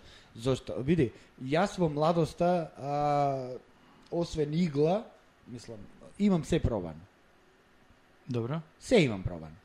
И потре... зошто имаме таква потреба? Заради тоа што па, потребата наша како како како луѓе да, да, да, да креираме ни е попречена од токму тој систем како е поставен. Јас не велам дека ова е, не знам, некој таму седи 5-6 мина седат на маса и викате сега ова се случува, она се случува. Тоа може би е, ама не знам и не ме интересира, не мене ни засега мене тоа. Туку потребата е што што што го што го рече тоа, кога одиме на гробишта треба да одиме празни. Ама работата е што тие кризи на, на идентитет нас кога почнуваат да ни се случуваат, ни се случуваат токму заради тоа. Стануваш едно сабајле и викаш, јас направив 30 години, немам ништо направено во животот. Тоа се има врска со fulfillment. Fulfillment. Ама знаеш како? Тој fulfillment, знаеш како ние го го го го, го а, па, условно речено го персонализираме, го персонализираме преку тие проклети пари. Викаме јас не направив пари. И сега ти кога ти А Саша, кога ќе сватиш дека па ќе се навратам, пак е погрешна на концептот за размислување на парите. Парите се резултат. Ма тоа сакам да ти кажам. Тоа сакам да ти кажам. И, и, и, и работата е што што ако цело време ние того а, така си го поставуваме а, а, начинот на размислување, односно ако системот, викаме ние ние сме дел од системот и сега ние припаѓаме нова конвенција, конвенцијата е таа учи, учи, учи, вработи се, прај, прави, прави, прај, ако успееш нешто да, да, да направиш, направи, ако не, не направи. Во Македонија е нели поставено тако мафтер знамиња лепиш ова, те вработуваат, после бркаме гласови, бла бла бла, ти реков ми рече и и ти што викаш ти ги правиш работите секој ден истите и, и очекуваш ништо се промени. Е не може да се промени бе пријатели. Ќе се промени оној момент кога ти ќе бидеш спремен да бидеш исмејуван. Нормално. Нормално или кога ќе бидеш спремен да се соочиш со стравовите. Е, има една добра приказна, оди вака. Ние најчесто им ја кажуваме на децата, а таа е за возрастни. Знаеш која е таа? За спаната убавица. Приказната е кога оди принцот да ја ослободи во замокот, ама прво треба да го отепа змеот, го тепа змеот и оди ја бакнува принцезата и таа станува. Така? Ајде сине, сега заспи. А таа всушност ти кога ја кажуваш на детето, ти сам себе си ја кажуваш таа, ама не ја разбираш. И знаеш што кажуваш во суштина? Ако сакаш да одиш до заспаната убавица што ги представува заспаните убавини во животот, мораш да се соочиш со змеот. А змеот е страот. Кога ќе го победиш змеот, ќе ги разбудиш заспаните убавини во твојот живот. Нормално, нормално. Понекогаш, знаеш како? Извини, понекогаш тие убавини не- се толку убави колку што си очекувал. Но ги будиш. Многу е битно да ги разбудиш тие у- убавини во себе.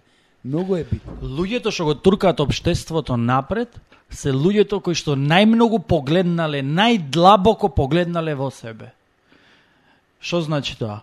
Кои што се толку многу спознале и си рекле вак: Јас ќе одам да го правам ова, што и да е, и по патот сам си, си викаш, со оној другиот со тебе што си прави моавет секој ден, си викаш, што и да ми излези по патот, јас знам, е, ова е само доверба и нормално треба тренирање.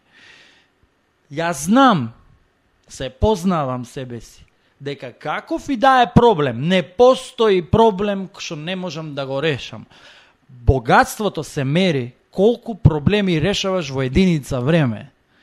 Колку по, повеќе проблеми решаваш за пократко време, толку си побогат. Да решаваш толку многу проблеми што твоите да бидат и малку. И да почнеш да ги решаваш и другите. И кога ќе погледнеш доволно во себе и кога ќе знаеш дека си експерт за решавање на било каков проблем, тогаш ти можеш да истуркаш било каква идеја.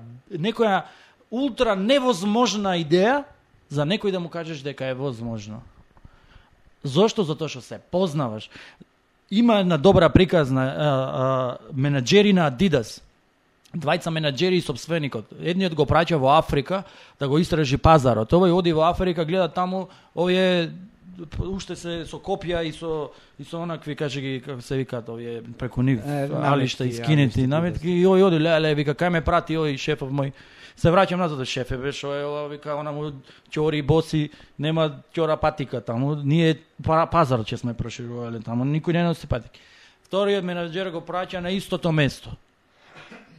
Го гледа и истата ситуација ја гледа. И овој пресреќен и се враќа назад. И му вика шефе прекрасно место никој не носи патики ние прави ќе ги облечеме сите Што мислиш, кој е поуспешен?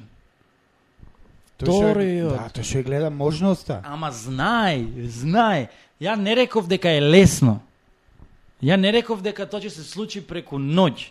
Ама јас ти кажувам дека е возможно, заради тоа што човечкиот ум работи на граници, на boundaries. Ако ти, ако на некој му дозволиш да се однесува како идиот со тебе, тој цел живот ќе се однесува со тебе како идиот. Ако некој му дозволи, ти ја кренеш собствената граница и му дозволиш докаде му е дозволено и, е, да се однесува така, до таму ќе се однесува. Исто и човечкиот ум. Тие се така научени, а учењето е процес, а процесот бара време. Ама ја не реков дека не е возможно. Тоа е возможно. Да. И кажи, ми- кажи ми ти мене, што мислиш, што е она што најмногу нас не спречува да да ги е, реализираме нашите потенцијали кои што ми- мислиме дека ги носиме со нас, односно да ја Не, ние развиеме. 100% ги носиме. Да, да, Сите што е она што не спречува нас? Што е она што а, што не знам што што не тера да се вратиме во таа сигурна зона на медиокритет, нели имаш safe zone, learning zone, fear zone, бла бла бла, ти реков ме рече. Што мислиш дека е тоа што што што повеќето луѓе ги спречува? Не мислам, него тоа е единственото нешто. А тоа е погрешниот програм кој што ни се всадува од мали нозе. Погрешниот програм кој што ни се всадува од првата до седмата година. Првите седум години. Тоа ти се вика тета фаза на мозокот, на, на умот. И во тој момент погр... самиот самата парадигма која што ја имаме во главата е таја која што е, ги прави разликите. Втората работа која што луѓето ги спречува е не приф... социјалната прифатеност. Ако јас размислам поинаку, ќе си ги изгубам другарите. Да, да, стравот, стравот. Ќе си ги изгубам другарите. Пријателе, ако ти мислиш дека нешто е добро и ако мислиш дека е како што треба, другари ќе добиеш и на друго ниво. Ја не реков дека успехот секогаш се мери во пари. Никогаш не се мери во пари. Успехот се мери во исполнетост.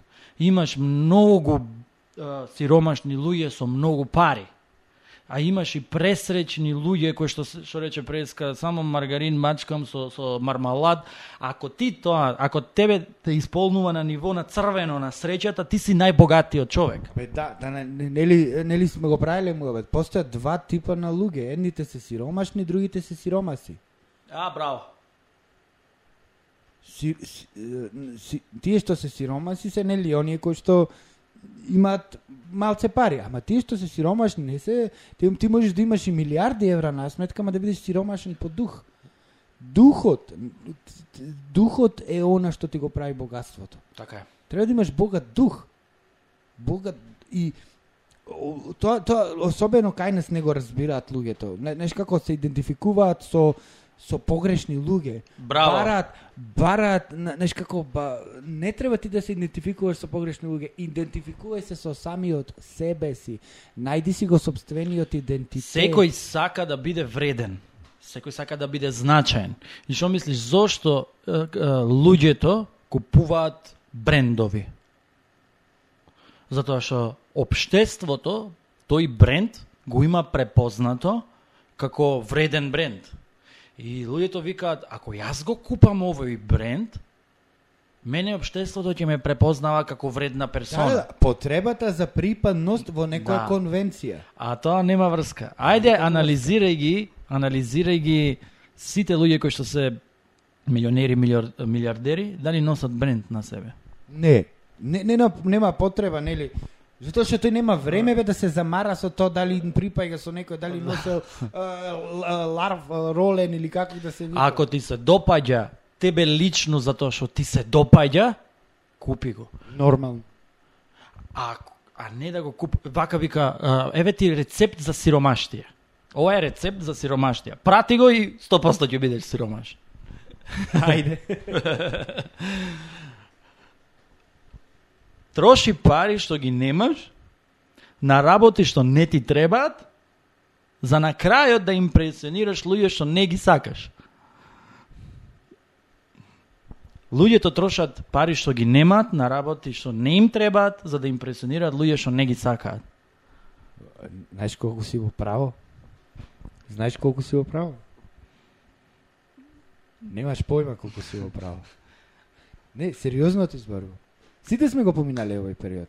Никој не е роден а, не знам, безгрешен. Сите Да. сме го поминале овој, Да. овој период.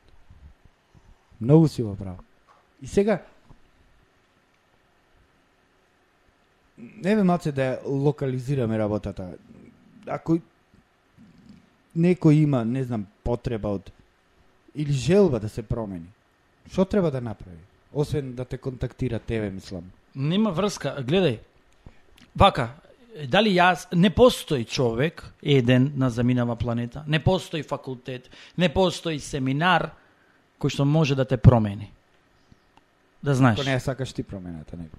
Да, ти прво мораш да ја сакаш. И кој ќе ја сакаш, ќе одиш и на најјакиот семинар и сето, се, се, се, се. И не постои такво нешто. Само еден човек може да те промени, тоа си ти. Ама, постојат ментори, кои што луѓето 90% одат без менторство. Е тоа изгледа вака. Ти одиш во, во Виена, на своја рака, прамовет. Пали школата и одиш во Виена. И одиш да ја разгледуваш Виена на своја рака кај, не знаеш кој е, каде, не знаеш што е, кој, возиш едноставно и прашува, аха, добро, овде, овде добро, и одиш и ја гледаш и се враќаш. Океј. Вториот пат, одиш со човек кој што живее во Виена. И тој точно знае. Те прашува тебе, што ти се прави тебе, тоа, тоа и тоа. Како сакаш да ја доживееш Виена, вака и вака. И тој точно знае. Ова е најдоброто, ова е вака, ова е вака, овде, овде, овде, овде, овде. И ти имаш две посети на Виена со две, кој да си бил во два различни града. Да, да, Истото е и во животот. да. Да, да, да, во право. си. Ти, ако сакаш да успееш нешто, одиш сам, без никаков ментор. И имаш резултати как, такви какви што имаш. А вториот пат можеш за тоа што сакаш да го оствариш, го наоѓаш најдобриот во тоа во таа бранша, го контактираш да ти биде ментор. Луѓето, а, сиромашните луѓе секогаш а, прашуваат за позајмување на пари на богатите, а никој не прашува како ги прави твоите тие пари. А ако ги прашаш тие луѓе двај чекаат да ти кажат како, ама никој не прашува. Да, да. И тоа ти викам. менторството, менторството е многу круцијален фактор да ти ги даде насоките. Е сега, што рече како да, да, да се некој промени. Прво, треба да одлучи да има ментор, на тај, таму каде што тој сака да биде. И кога менторот ќе му ги даде насоките, има едно правило, се вика outwork. Ако менторот ти рече, не знам сега, еве јас, пример, му викам, ова книга треба да ја прочитаме. Јас, кога мене ми го правеа тоа, ова ми беше природно, никој не ми го кажа, ама го сватив од после, што во суштина сум правел. кога ми рекоа, а, мораш да, да, не знам, да го продадеш овој продукт на 10 луѓе. Јас знаеш како си ги поставува работите во главата? За да го импресионирам менторот, ја ќе го продам на 30 сега. Тој нека си мисли на 10. А во суштина што сум правел, на англиски се нарекува outwork. Outwork. Кога некој ќе ти даде некаква задача, ти ја надработуваш на таа задача, без да очекуваш дека ќе бидеш Награда. награден. Фактички воспоставуваш, условно речено, некој супер стандард. Outwork. Кристијано Роналдо иде два сати пред тренинг. Го одработува тренингот и останува уште еден сат. Тоа ти се три сати на еден тренинг, предност истрениран пред другите. Три сати во еден ден. 30 дена по 3 сати. Колку се? 90 сати. По 10 месеци? 900 сати. Јас сум 900 сати потрениран од тебе. Како сакаш да имаме исти перформанс на терен? Значи, во, во време сум 900 сати пред тебе, играме иста игра. Играме исти бизнис. Ги надработувам. Ако ќе го сакаш тоа што ќе го работиш, нема ни да осетиш дека ги надработуваш. Да, да, нормално. И автоматски се прави разлика од нормален играч до супер звезда. Супер звездата нема 4 раце, 5 нозе, толку само ги надработува останатите. Повеќе го сака тоа што го прави.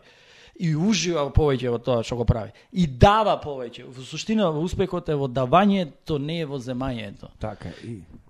Така така е. И на тој начин можеш да направиш промени. И кога менторот ќе ти ги даде тие задачи, надработи ги тие задачи. И после ако те гледа дека одиш на крива насока, само ќе ти направи слепинг, бамп, не таму, назад, по, ова, по овој пат. Ама твојата задача е да ги надработиш. И нормално да паѓаш да си го кршиш носот. Јас така го викам. To fail. Затоа што на училиште не учеа дека паѓањето е лошо. А паѓањето е страшно добро. Јас викам fail, fail often, fail. Тоа е рецептот за, за успехот. Нормално треба да учиш од тоа што паѓаш, Нормално. не додиш со главата во зид, ама а, така би направиле промена. И друга работа, д- секој дневна комуникација, да се заштити, да си ги заштитиш мислите, да си ја заштитиш главата. Не дома да појдеш ти да седиш на лаптоп, во позадина да да оди турска серија. Ти мислиш дека не ја слушаш, ама подсвеста се прима. Да, да, да, да. да. Значи има некои мали цаки кои што кои што а, треба да ги запазиш за да имаш правилен сет во главата, за да можеш да го оствариш тоа што го работиш. Зборам да направиш разлика, не да бидеш измешан во просекот, туку да направиш разлика. Здра, драстична разлика во тоа што го правиш. Што и да работиш во животот, без разлика. А, ма, еве, на пример, ти овие 10-11 години а, во кој што работиш и во кој што се занимаваш со со тоа што го работиш, а, никогаш ти го нема поставено прашањето а, како реагираш, односно што правиш кога наидуваш на луѓе кои се условно речено припадници на, на, на тој условно, условно речено, ама со ова условно речено. А, различен мајндсет, во смисол на кога некој ти дава отпор, О, тие ми се најсладки. како како како реагираш на нив? Дали викаш со тебе немам Не. соработка, продолжувам понатаму или дали нешто правиш друго? А, не, не, не, не, значи дека ќе не мора да значи дека имаме соработка или не, туку имаме муавет на, на маса и си Да, ги да, да. и си ги изнесуваме ставовите. Јас само прашувам Саша. Кога некој дава отпор, јас само прашувам, ја не му одговарам. Тој сам си одговара. Јас само го прашувам. И на крај доаѓаме до Ќор Сокак. Да каже, да, да, да, добро, ама, ама, и на тоа ама има уште еден одговор. Сакам да ти кажам, а, не значи дека со секој клиент треба да, да работам, или дека а, треба да му продадам. Поентата која е? Кога ќе седнеме на маса, поставуваме прашање да видам до во кој статус на размислување е. Затоа што ако земеш ти една чаша полна со вода и доториш вода, собира во чашата? Не. Е, па тогаш ни јас не те можам да работам со него, заради тоа што тој има полне со нешто во кое што јас и да му нудам најубавите работи, најдобриот бизнис да му го понудам, за, него нема ништа да чини. Зошто? Заради тоа што е полн со нешто друго. И затоа треба да се размени, да се размести нешто во главата, за да друга работа, зависи од неговата лична персонална филозофија за животот. Може би некој е среќен бре човек само да си биде на село, да си вози трактор и тоа него го исполнува. Ја ја не ќе му кажувам дека треба да заработува милиони за да биде среќен. Тој ти вика, јас со тракторот сум среќен бе човек. Да, да, да. А за луѓе кои што не се среќни со тоа што го прават, а се противат, е тогаш е, е влегуваме во дебата во која што јас е, ги прашувам да си да станат само свесни со дека со тоа што го прават одат на погрешен пат. А некогаш некој те разбира само со муавет, а некој после тоа оди искусува, па се враќа назад и каже да во право беше. Никогаш не сакам да дојдеме до моментот да ми рече некој во право беше. Туку треба да послуша некогаш. Зошто? Затоа што а, јас одев со искинати патики. А, јас барав денарчиња дома под креветот за да пијам кафе и знам во со какво верување влегува во во во градба на бизнис. И 99% од а, милионерите се само создадени милионери. Не се наследени милионери. Затоа што најчесто наследените милионери после тоа ги губат парите, оти го Да. немаат поминато процесот. Ова сето што го зборуваме го нема процесот. А ако го немаш процесот, многу лесно се трошат парите. Нормално. Имаше една добра анекдота, морам да ти го кажам. Имаше една, една слика, а, пишал а, комуналниот работник Джеймс, а не знам како се викаше, комуналниот работник Джеймс, што току фати лотарија од 15 милиони долари. Сите пари ги потроши на курви, на дрога, на жени, на хотели, на коли и на крајот откако банкнотира, се врати како комунален А, работник. да, знаеш дека тоа е вистина, не е И долу коментар под сликата.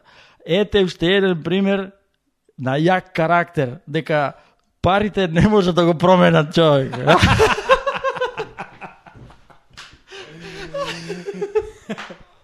Ова, а знаеш дека тоа е вистина, знаеш? Дека во Да. Англија човек има фатено добиено на на лотарија многу пари и ги искоцкува сите и пак си се враќа. назад. Зашто секој кој што ќе фати лотарија така завршува. Не еден пример. Да. Секој. Да, да, да. Што е успехот? Успехот е, тоа се вика тренинг баланс скел. За тоа предаваме, за тоа 106 сата а, а, буквално предавање. Тренинг баланс скел ти вика вака, 99% од успехот е внатрешна работа. Што е успехот? Треба да имаш одговорност, нели? Треба да имаш чувство на одговорност. Треба да имаш а, а, каже го ова, а, искуство во, во нештото, да имаш поминато процес. Треба да знаеш како да размислуваш. Треба да знаеш да пресметаш, треба да знаеш да го следиш твоето внатрешно чувство кога како да реагираш. И овие сите 5, 6, 10 работи се тренираат. И сега замисли ти не си ништо трениран, тоа ти е исто ко сега да те пуштам во ринг со Конор Мегрегор. Тој тренира код звер и се не е проблем ти да дојдеш моментот да влезеш во рингот. Ти ќе влезеш во рингот, сите ќе те видат дека си влезен во рингот, супер. Ама колку имаш тренирано, колку има тој. Влегување два пати, бам бам и долу си. Два пати. да замавне еднаш од ветрот има со несвестен. Овај, Мики, да, тоа е, е знаеш како, велат некои, е, некои луѓе велат дека демек ти само ми зборуваш, само ми зборуваш, само ми зборуваш. Ама јас познавајќи те лично и знам а, од каде, како ти кажам, од каде потекнуваш. Да. И многу ми е интересно што тоа нико- никогаш не си го сокрил тоа. Никогаш не, не, не, не, не криеш дека си спиел по два и пол дена за да не јадеш, дека си живеел со глувчиња, дека дека никогаш не го криеш тоа. Зошто би го криел? Да, и и и, и знаеш како и то, тоа ме тера, знаеш како да те почитувам уште повеќе. Пошто има луѓе кои што нели а, ситуацијата, судбината или било што им им дозволиле да имаат малку повеќе во животот и некако се обидуваат да го заборават. Под тепих. Да, да го скријат под тепих. Она што биле и како биле. Не, не треба. Не треба. Мислам дека не треба. И Ние А- луѓето имаме еден голем проблем, а тоа се нарекува его. Кога ќе дојдеш доволно свесен да го истренираш егото, да ти е на ниско ниво, тоа ќе бидеш многу успешен. Успешните луѓе никогаш нема да слушнеш од нив, а да, знам, знам, знам, знам, зборовите, а да, знам, знам, знам, не ми зборови. Само сиромашните луѓе се игнорантни со големо его. Што и да значи тоа?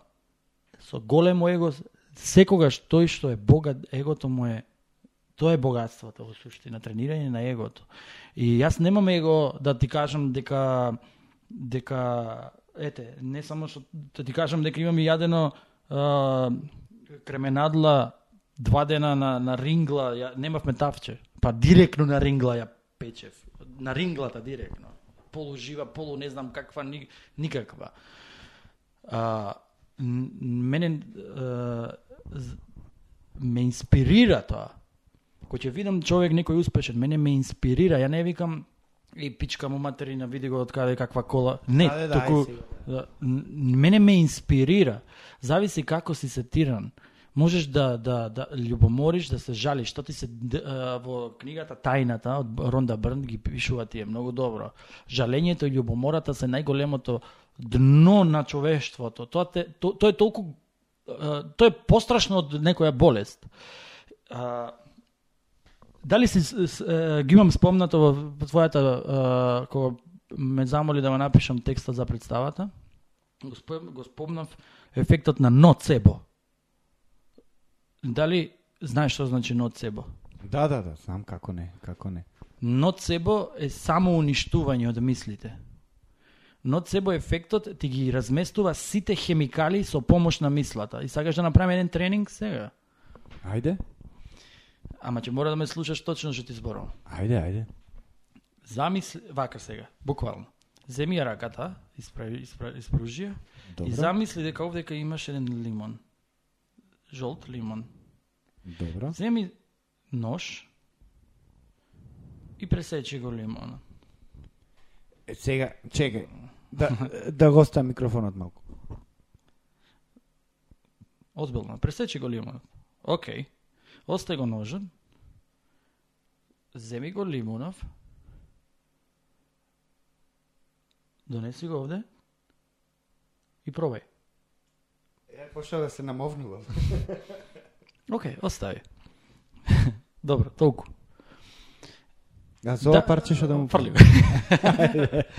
Сакам да те кажам, дали нешто, а, барем малце осети овдека. Н- д- Не, ама почнав да се намовнувам овде, чувство дека треба нешто кисело. Дали да имаше нешто во раката? Да, да, да, да. Да, Ма ментално мислеше дека има, дали физички имаше? Физички не. Немаш ништо.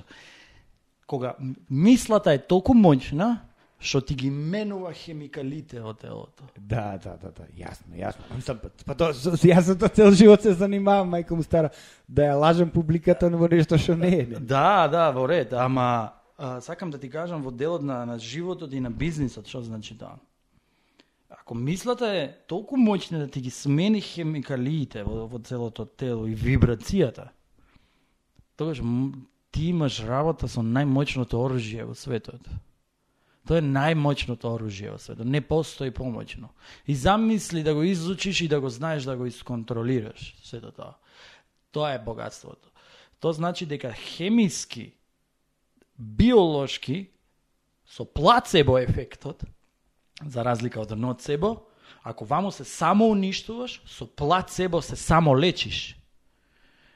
Постојат болести кои што знаеш што е плацебо, кога на старите да, да, баби да, им да. даваат шекер, а мислат дека ова апче од Аргентина, од некој скриен доктор да, во да, некоја да. пештера, и ние го до- донесовме преку 9 планини и 9 морина, за ти да бидеш лечен. И тај го зема апчето и пре, леле, за апче уникатно. И тај, а, како се чувствувате? Прекрасно, пова, страшно, а тој е само обичен шекер. А што направила им ги смениле мислите. Ние луѓето сме кои што сакаат нештата да ги видат, па за да ги сменат мислите. А луѓето кои што го водат општеството, кои што се самосвесни за нивното битицување, не мора да се толку примитивни за да видат нешто па да ја сменат мислата. Едноставно го знаат дека е тоа така и само ја менуваат мислата. Не мора мене да ми даеш апче па ја да знам дека е тоа. Само знам дека е таква, дека така ми работи мозокот и ја сменува мислата. Како преска што го правевме муабетот со свичот. Свичам. Да, да. Не требаше некој да дојде да ти даде нешто па да ја смениш мислата. Туку едноставно само ја сменува мислата, да ти мислата е таа што ми го контролира и телото да, да, и да, биологијата. Да, да, да, Буквално се. Да, да, па мислам има што викаш ти старите источни култури тоа во одамна го воспоставиле. Дека менувањето на мислата е всушност она што те одржува тебе во живот. Точно. Дека пози, позитивното размислување е она што те мислам тоа е целата теорија на мантрите, нели? Со мантрањето. Имаш да ако ти цело време си повторуваш во себе дека мене ми е убаво, мене ми е убаво, мене ми е убаво, мене ми е убаво, тебе ќе ти стане убаво. А, тоа е а, да, да. Да, мантрата, ман, мантрањето, мантрањето, јас баш кога работам со деца им давам таква вежба. Една обично поставена сцена, буквално некоја си наједноставна сцена и му, и му викам, мантрај си ти цело време во главата. Јас те сакам тебе, те сакам тебе, те сакам тебе, те сакам, или те мразам, или било што. Мантрај си. И ќе видиш како начинот на кој ги интерпретираш ти репликите во текстот, на како одиш, како се Така е. однесуваш, ти се менува. Така. И зошто тоа да не можеме ние да го примениме во вистинскиот живот? Така. Зошто не можеме ние да си создадеме правила, еве да се искористам себично со мојава а, струка, кои што ние ги имаме во театарот, за нештото да функционира како што треба и да префрла, зашто тие прав- правила не ги не си ги а, префрлиме во животот, нели? Па тоа е само прашање, зошто? Зошто да не? Зошто да не се обиде? Има едно добро. Зошто? Зошто да не? Зошто да не ти? И зошто да не ти сега? Да, зошто да не ти сега? Да, да почнеш така да размислуваш малку. Пошто не е поентата во животот ти а, да, да избегаш, нели, луѓето бегаат а, со тој ескепизам, со други, со алкохоли, со не знам што. Бегаат и преку музика, бегаат и преку филмови гледање, бегаат и преку театар. Зошто кога веќе ти ја имаш Затоа што можност- живеат неисполнет живот. Зошто кога ти Затоа. ја имаш можноста, зборувам за мене, да го искористиш тој ескейпизам или да изго... и да кажеш нешто паметно. Да кажеш нешто паметно и да им кажеш видете се луѓе. Видете се на што личите. Јас глупа заебана птица а, или да не е галеп или како и да е, како да ја викавме таа представа или што и да беше тоа. Ја направив со таа цел. Зошто ова што го гледате вие на сцена не, не, не го промените? Зошто цело време само кукате, се жалите и викате дека некој друг ви е виновен, а не гледате дека вие тоа што можете да го создадете вашиот потенцијал, си го уништувате самите. Да, затоа што се влегуваат во комфортна зона, убаво им е, се, се, секој се, се пушта на, на, на овие човечки потреби, животински да ги наречам, онакви основни. И толку е, не, не, не се труди ништо да, да, да создаде и затоа и чувствува неисполнетост. Да, да. И кога таа неисполнетост е на големо ниво, доаѓа викендот и пробува да ја надокнади. И таму доаѓа тој ескипизам. Да, да, да, го- да ја надокнади или одиме во крајни екстреми. И морам да го кажам ова и сек да го кажувам и мора некој да го еднаш запамти. Ако правиш работа што не ја сакаш, ти чувствуваш стрес. Што значи тоа? Одиш на сабајле, ти звони сатот и вика леле кој ќе стане го пцуеш праводенот од старт. Леле кој ќе станува сега? Одиш таму на работа го гледаш тој газоглавиот шеф што не можеш да, да го гледаш и само леле ве го и експертов мој идиотов тука па ќе ми попува. После тоа дро- доаѓа некој колега таму кој што појма нема од работата што ја работи, ти смета во твојата работа. А, вработен преку не знам кого таму тој земјоделсков натре економски го ставиле. Тоа ти предизвикува стрес. Четврта работа си закаснил еднаш во месецот ти скратиле на плата и од такав големата плата, нели, рековме. И на крај животот мораш да го концепираш на 20.000 денари месечно од кои што пола ти се трошоци, значи ти треба да живееш живот кон, во, во коцка од 10.000 денари, а да имаш толку многу работи за прајање, ама си викаш не можам, морам да се откажам од ова и тоа ти предизвикува стрес и тоа е стрес и се што набрав е стрес, стрес, стрес, стрес, стрес, стрес, стрес, стрес. Е од секој тој еден стрес има еден хормон се нарекува кортизол во телото. Тој кортизол се лачи и лачи на секогаш кога ти чувствуваш стрес, тој се лачи. Кога ти чувствуваш стрес, тој се лачи. Како тој се лачи, тој кортизолот значи хормон на fight and flight Fight or flight, да. и или бори се или бегај. А кога тој се лачи телото, поентата му е да го исклучи имуниот систем. Секој еднаш што го има. Кога го исклучува имуниот систем, ние имаме бактерии. By the way, ние имаме корона бактерии во нас 24/7. А, и кога тој го исклучува тој систем, тие бактерии, ако ти имаш нонстоп стрес, стрес, стрес, стрес, значи си исклучен, исклучен, исклучен, исклучен, исклучен, тие бактерии имаат слободен пристап до се. Тоа што значи? До срцето, до диабетисот, до сите модерни болести. И така фаќаш болести, така умираат луѓе млади, неисполнети, недореализирани. Ќе кажеш, е, овој Арен беше 40 години имаше. Не беше Арен затоа што живееше неисполнет живот врз база на кој што со ноцебо ефектот плюс дополнително се самоубиваш. Не постојат пари, Саша, 50.000 долари, 100.000 долари да ми ми дава, дава некој и да, да ми речи работи го ова за 50.000 долари. Нема да го работам за 50.000 долари. Зошто? Затоа што знам дека ќе се самоуништам од мислата дека не сакам да го работам тоа. Така. И зашто? После тие 50.000 долари да ги дадам во болница да се лечам? Кој што дали нема да се излечам, не знам дали ќе се излечам од, од тоа. И плюс тоа процес, време ќе ми замине во нешто што не го сакам, а тоа не можам да го вратам. Тие 50.000 долари нема да ми ја надокнадат времето што сум се чувствувал како гомно предходно за тие ебани пари. Да, да, да, да, ти си целосно, целосно си во право. Целосно си во право. И колку побрзо мислам дека луѓето ја согледаат таа вистина дека всушност треба да да внимаваме повеќе на себе си, а не не во смисол на здравствено. Да внимаваме повеќе на начинот на кој размислуваме и да да се освестиме. Колку побрзо го освестат освестувањето, толку подобро ќе с- е, ќе го живеат животот. Сето ова што ти го изнакажав се состои во реченицата размислувај како размислуваш. Мислуве како размислуваш. И попатно нели тренирае таа креативност. Да. Пошто ако ја изгубиш можноста да ја тренираш креативноста, Има една добра наука, добра наука по, по, посветена за токму за креативност. Вика вака, дали вика сте запознале луѓе кои што ги побарале сите можни услови за да направат успех? Сите услови да им ги даеш. Им требаат 50.000 долари, им даваш 50.000 долари. Им, ти, ти, ти требаат најубави компјутери, еве ти најубави компјутери. Ми требаат најдобрите доктори, еве ти ги најдобрите доктори, еве ти ова, еве ти ова. Се што тие мислат дека постои како услов за успех и пак да не се реализира. Е, јас ја знам ан- анекдотата. Не, не бе, општо Да, да, правиме да, да, да. А постојат луѓе кои што поминале низ емоционални, сексуални, а, а, социјални, а, а, каже ги овие а, abusements, да, да, злоставување, Злоставување. и така натаму. И на крај тие стануваат а, луѓето кои што најмногу предонесуваат во општеството. Да, да, да, да, да. да. Зошто? Затоа што на што се фокусираш, мислата на што ја фокусираш. Дали е тоа крајот или е почетокот? Ако ти се фокусираш, ако си доволно разигран, ако си доволно креативен, ако си доволно а, тоа се вика ресурс and resourcefulness. Значи, дали ги бараш ресурсите или обемот на креативност, resourcefulness, значи обем на снаодливост, обем на снаодливост. Јас имав можност каде што мојот ментор се откажа од мене. И е, после три месеци менторирање оти немав никакви резултати, тоа бев во процес на учење и дојде и како Јуда што го предаде Исус, тој така ме предаде мене. Овој го бакна, овој ме частеше пица за роден ден.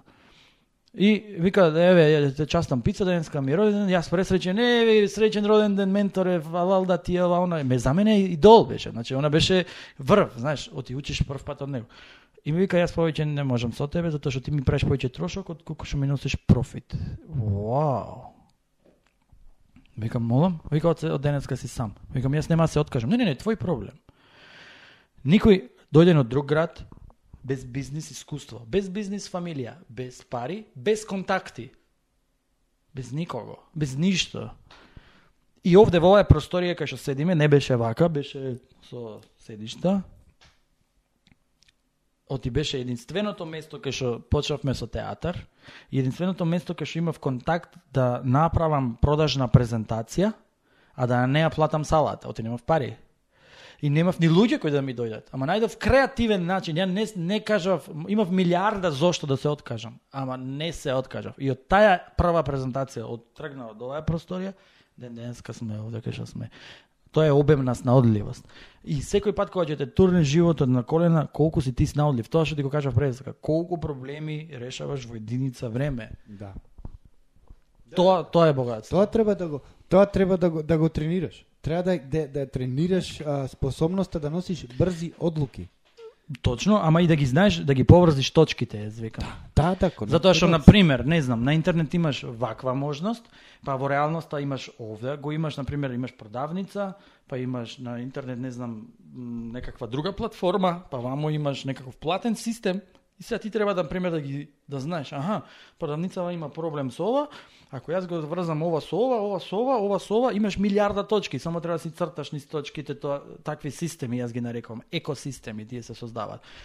Пари има во, не, во изобилие, сите заработуваат пари, ама кој како ги троши парите, ја прави разликата после тоа богати си. Да, да, како ги хендлаш работите. Точно. Ако научиш да врзуваш точки, ако научиш да да ги врзуваш работите, тогаш се да ти земат, сега некој да ми земе, се што мисли дека мене ми е услов за успех, нека ми земи се. Уствари и, и ми зедоја се. И на три пати ми зедоја се. Нема проблем. Па ќе се кренем. Ете си. Ете. Ете си. Ама не е поентата во ресурсите. Поентата е во начинот на размислување. Нормално, нормално. И па колку уф. и мислам дека како за прва епизода доста истрпно си поправивме муавет Мики, јас ти благодарам што ја прифати поканата да бидеш прв гостин. Ова е задоволство огромно. А, Така и почнавме на почетокот. и она што са, со, ко- со кое што би сакал јас да а, да те оставам за денес е дека Мики, иако сме разлика не знам колку години, јас сепак имам еден огромен пиетет спрема тебе како личност и и секаде каде што ми доаѓа, не знам, прилика да те спомнам, те спомнувам онака како еден извонреден пример за, за личност која што размислува позитивно и која што таа позитивност нели ја ја шири со луѓето несебично. И Мики, јас ти благодарам уште една што беше гостин на овој мој подкаст. И Саша, јас ти посакувам подкастов да стигне до светски размери, да биде споделен Netflix да те откупи. А мене не ми е целта некој да ме откупи, мене ми е целта токму така да се ги наоѓам вака моите интересни луѓе кои што ги имам во моето обкружување и малце да го проширам тоа и да го кажат она што мислам дека треба да го споделат. Очигледно и овие твои чекори се а, ненормални. Значи не, мислам ме разбираш, не во нормата, што значи дека дали ти преку театарот или преку вакви подкасти било што имаме иста борба. Борба во наводници кажано. Значи ако ние ги пласираме идеите низ различни канали, низ различни а, да речам форми и, и јас секогаш викам и само еден човек ова да го слушне, нашата мисија е успешна. И со таа мисла ќе го завршиме овој подкаст, односно оваа епизода и од моје име и од името на мојот гостин Мики Данаиловски ви посакувам на сите денеска да тренирате креативност.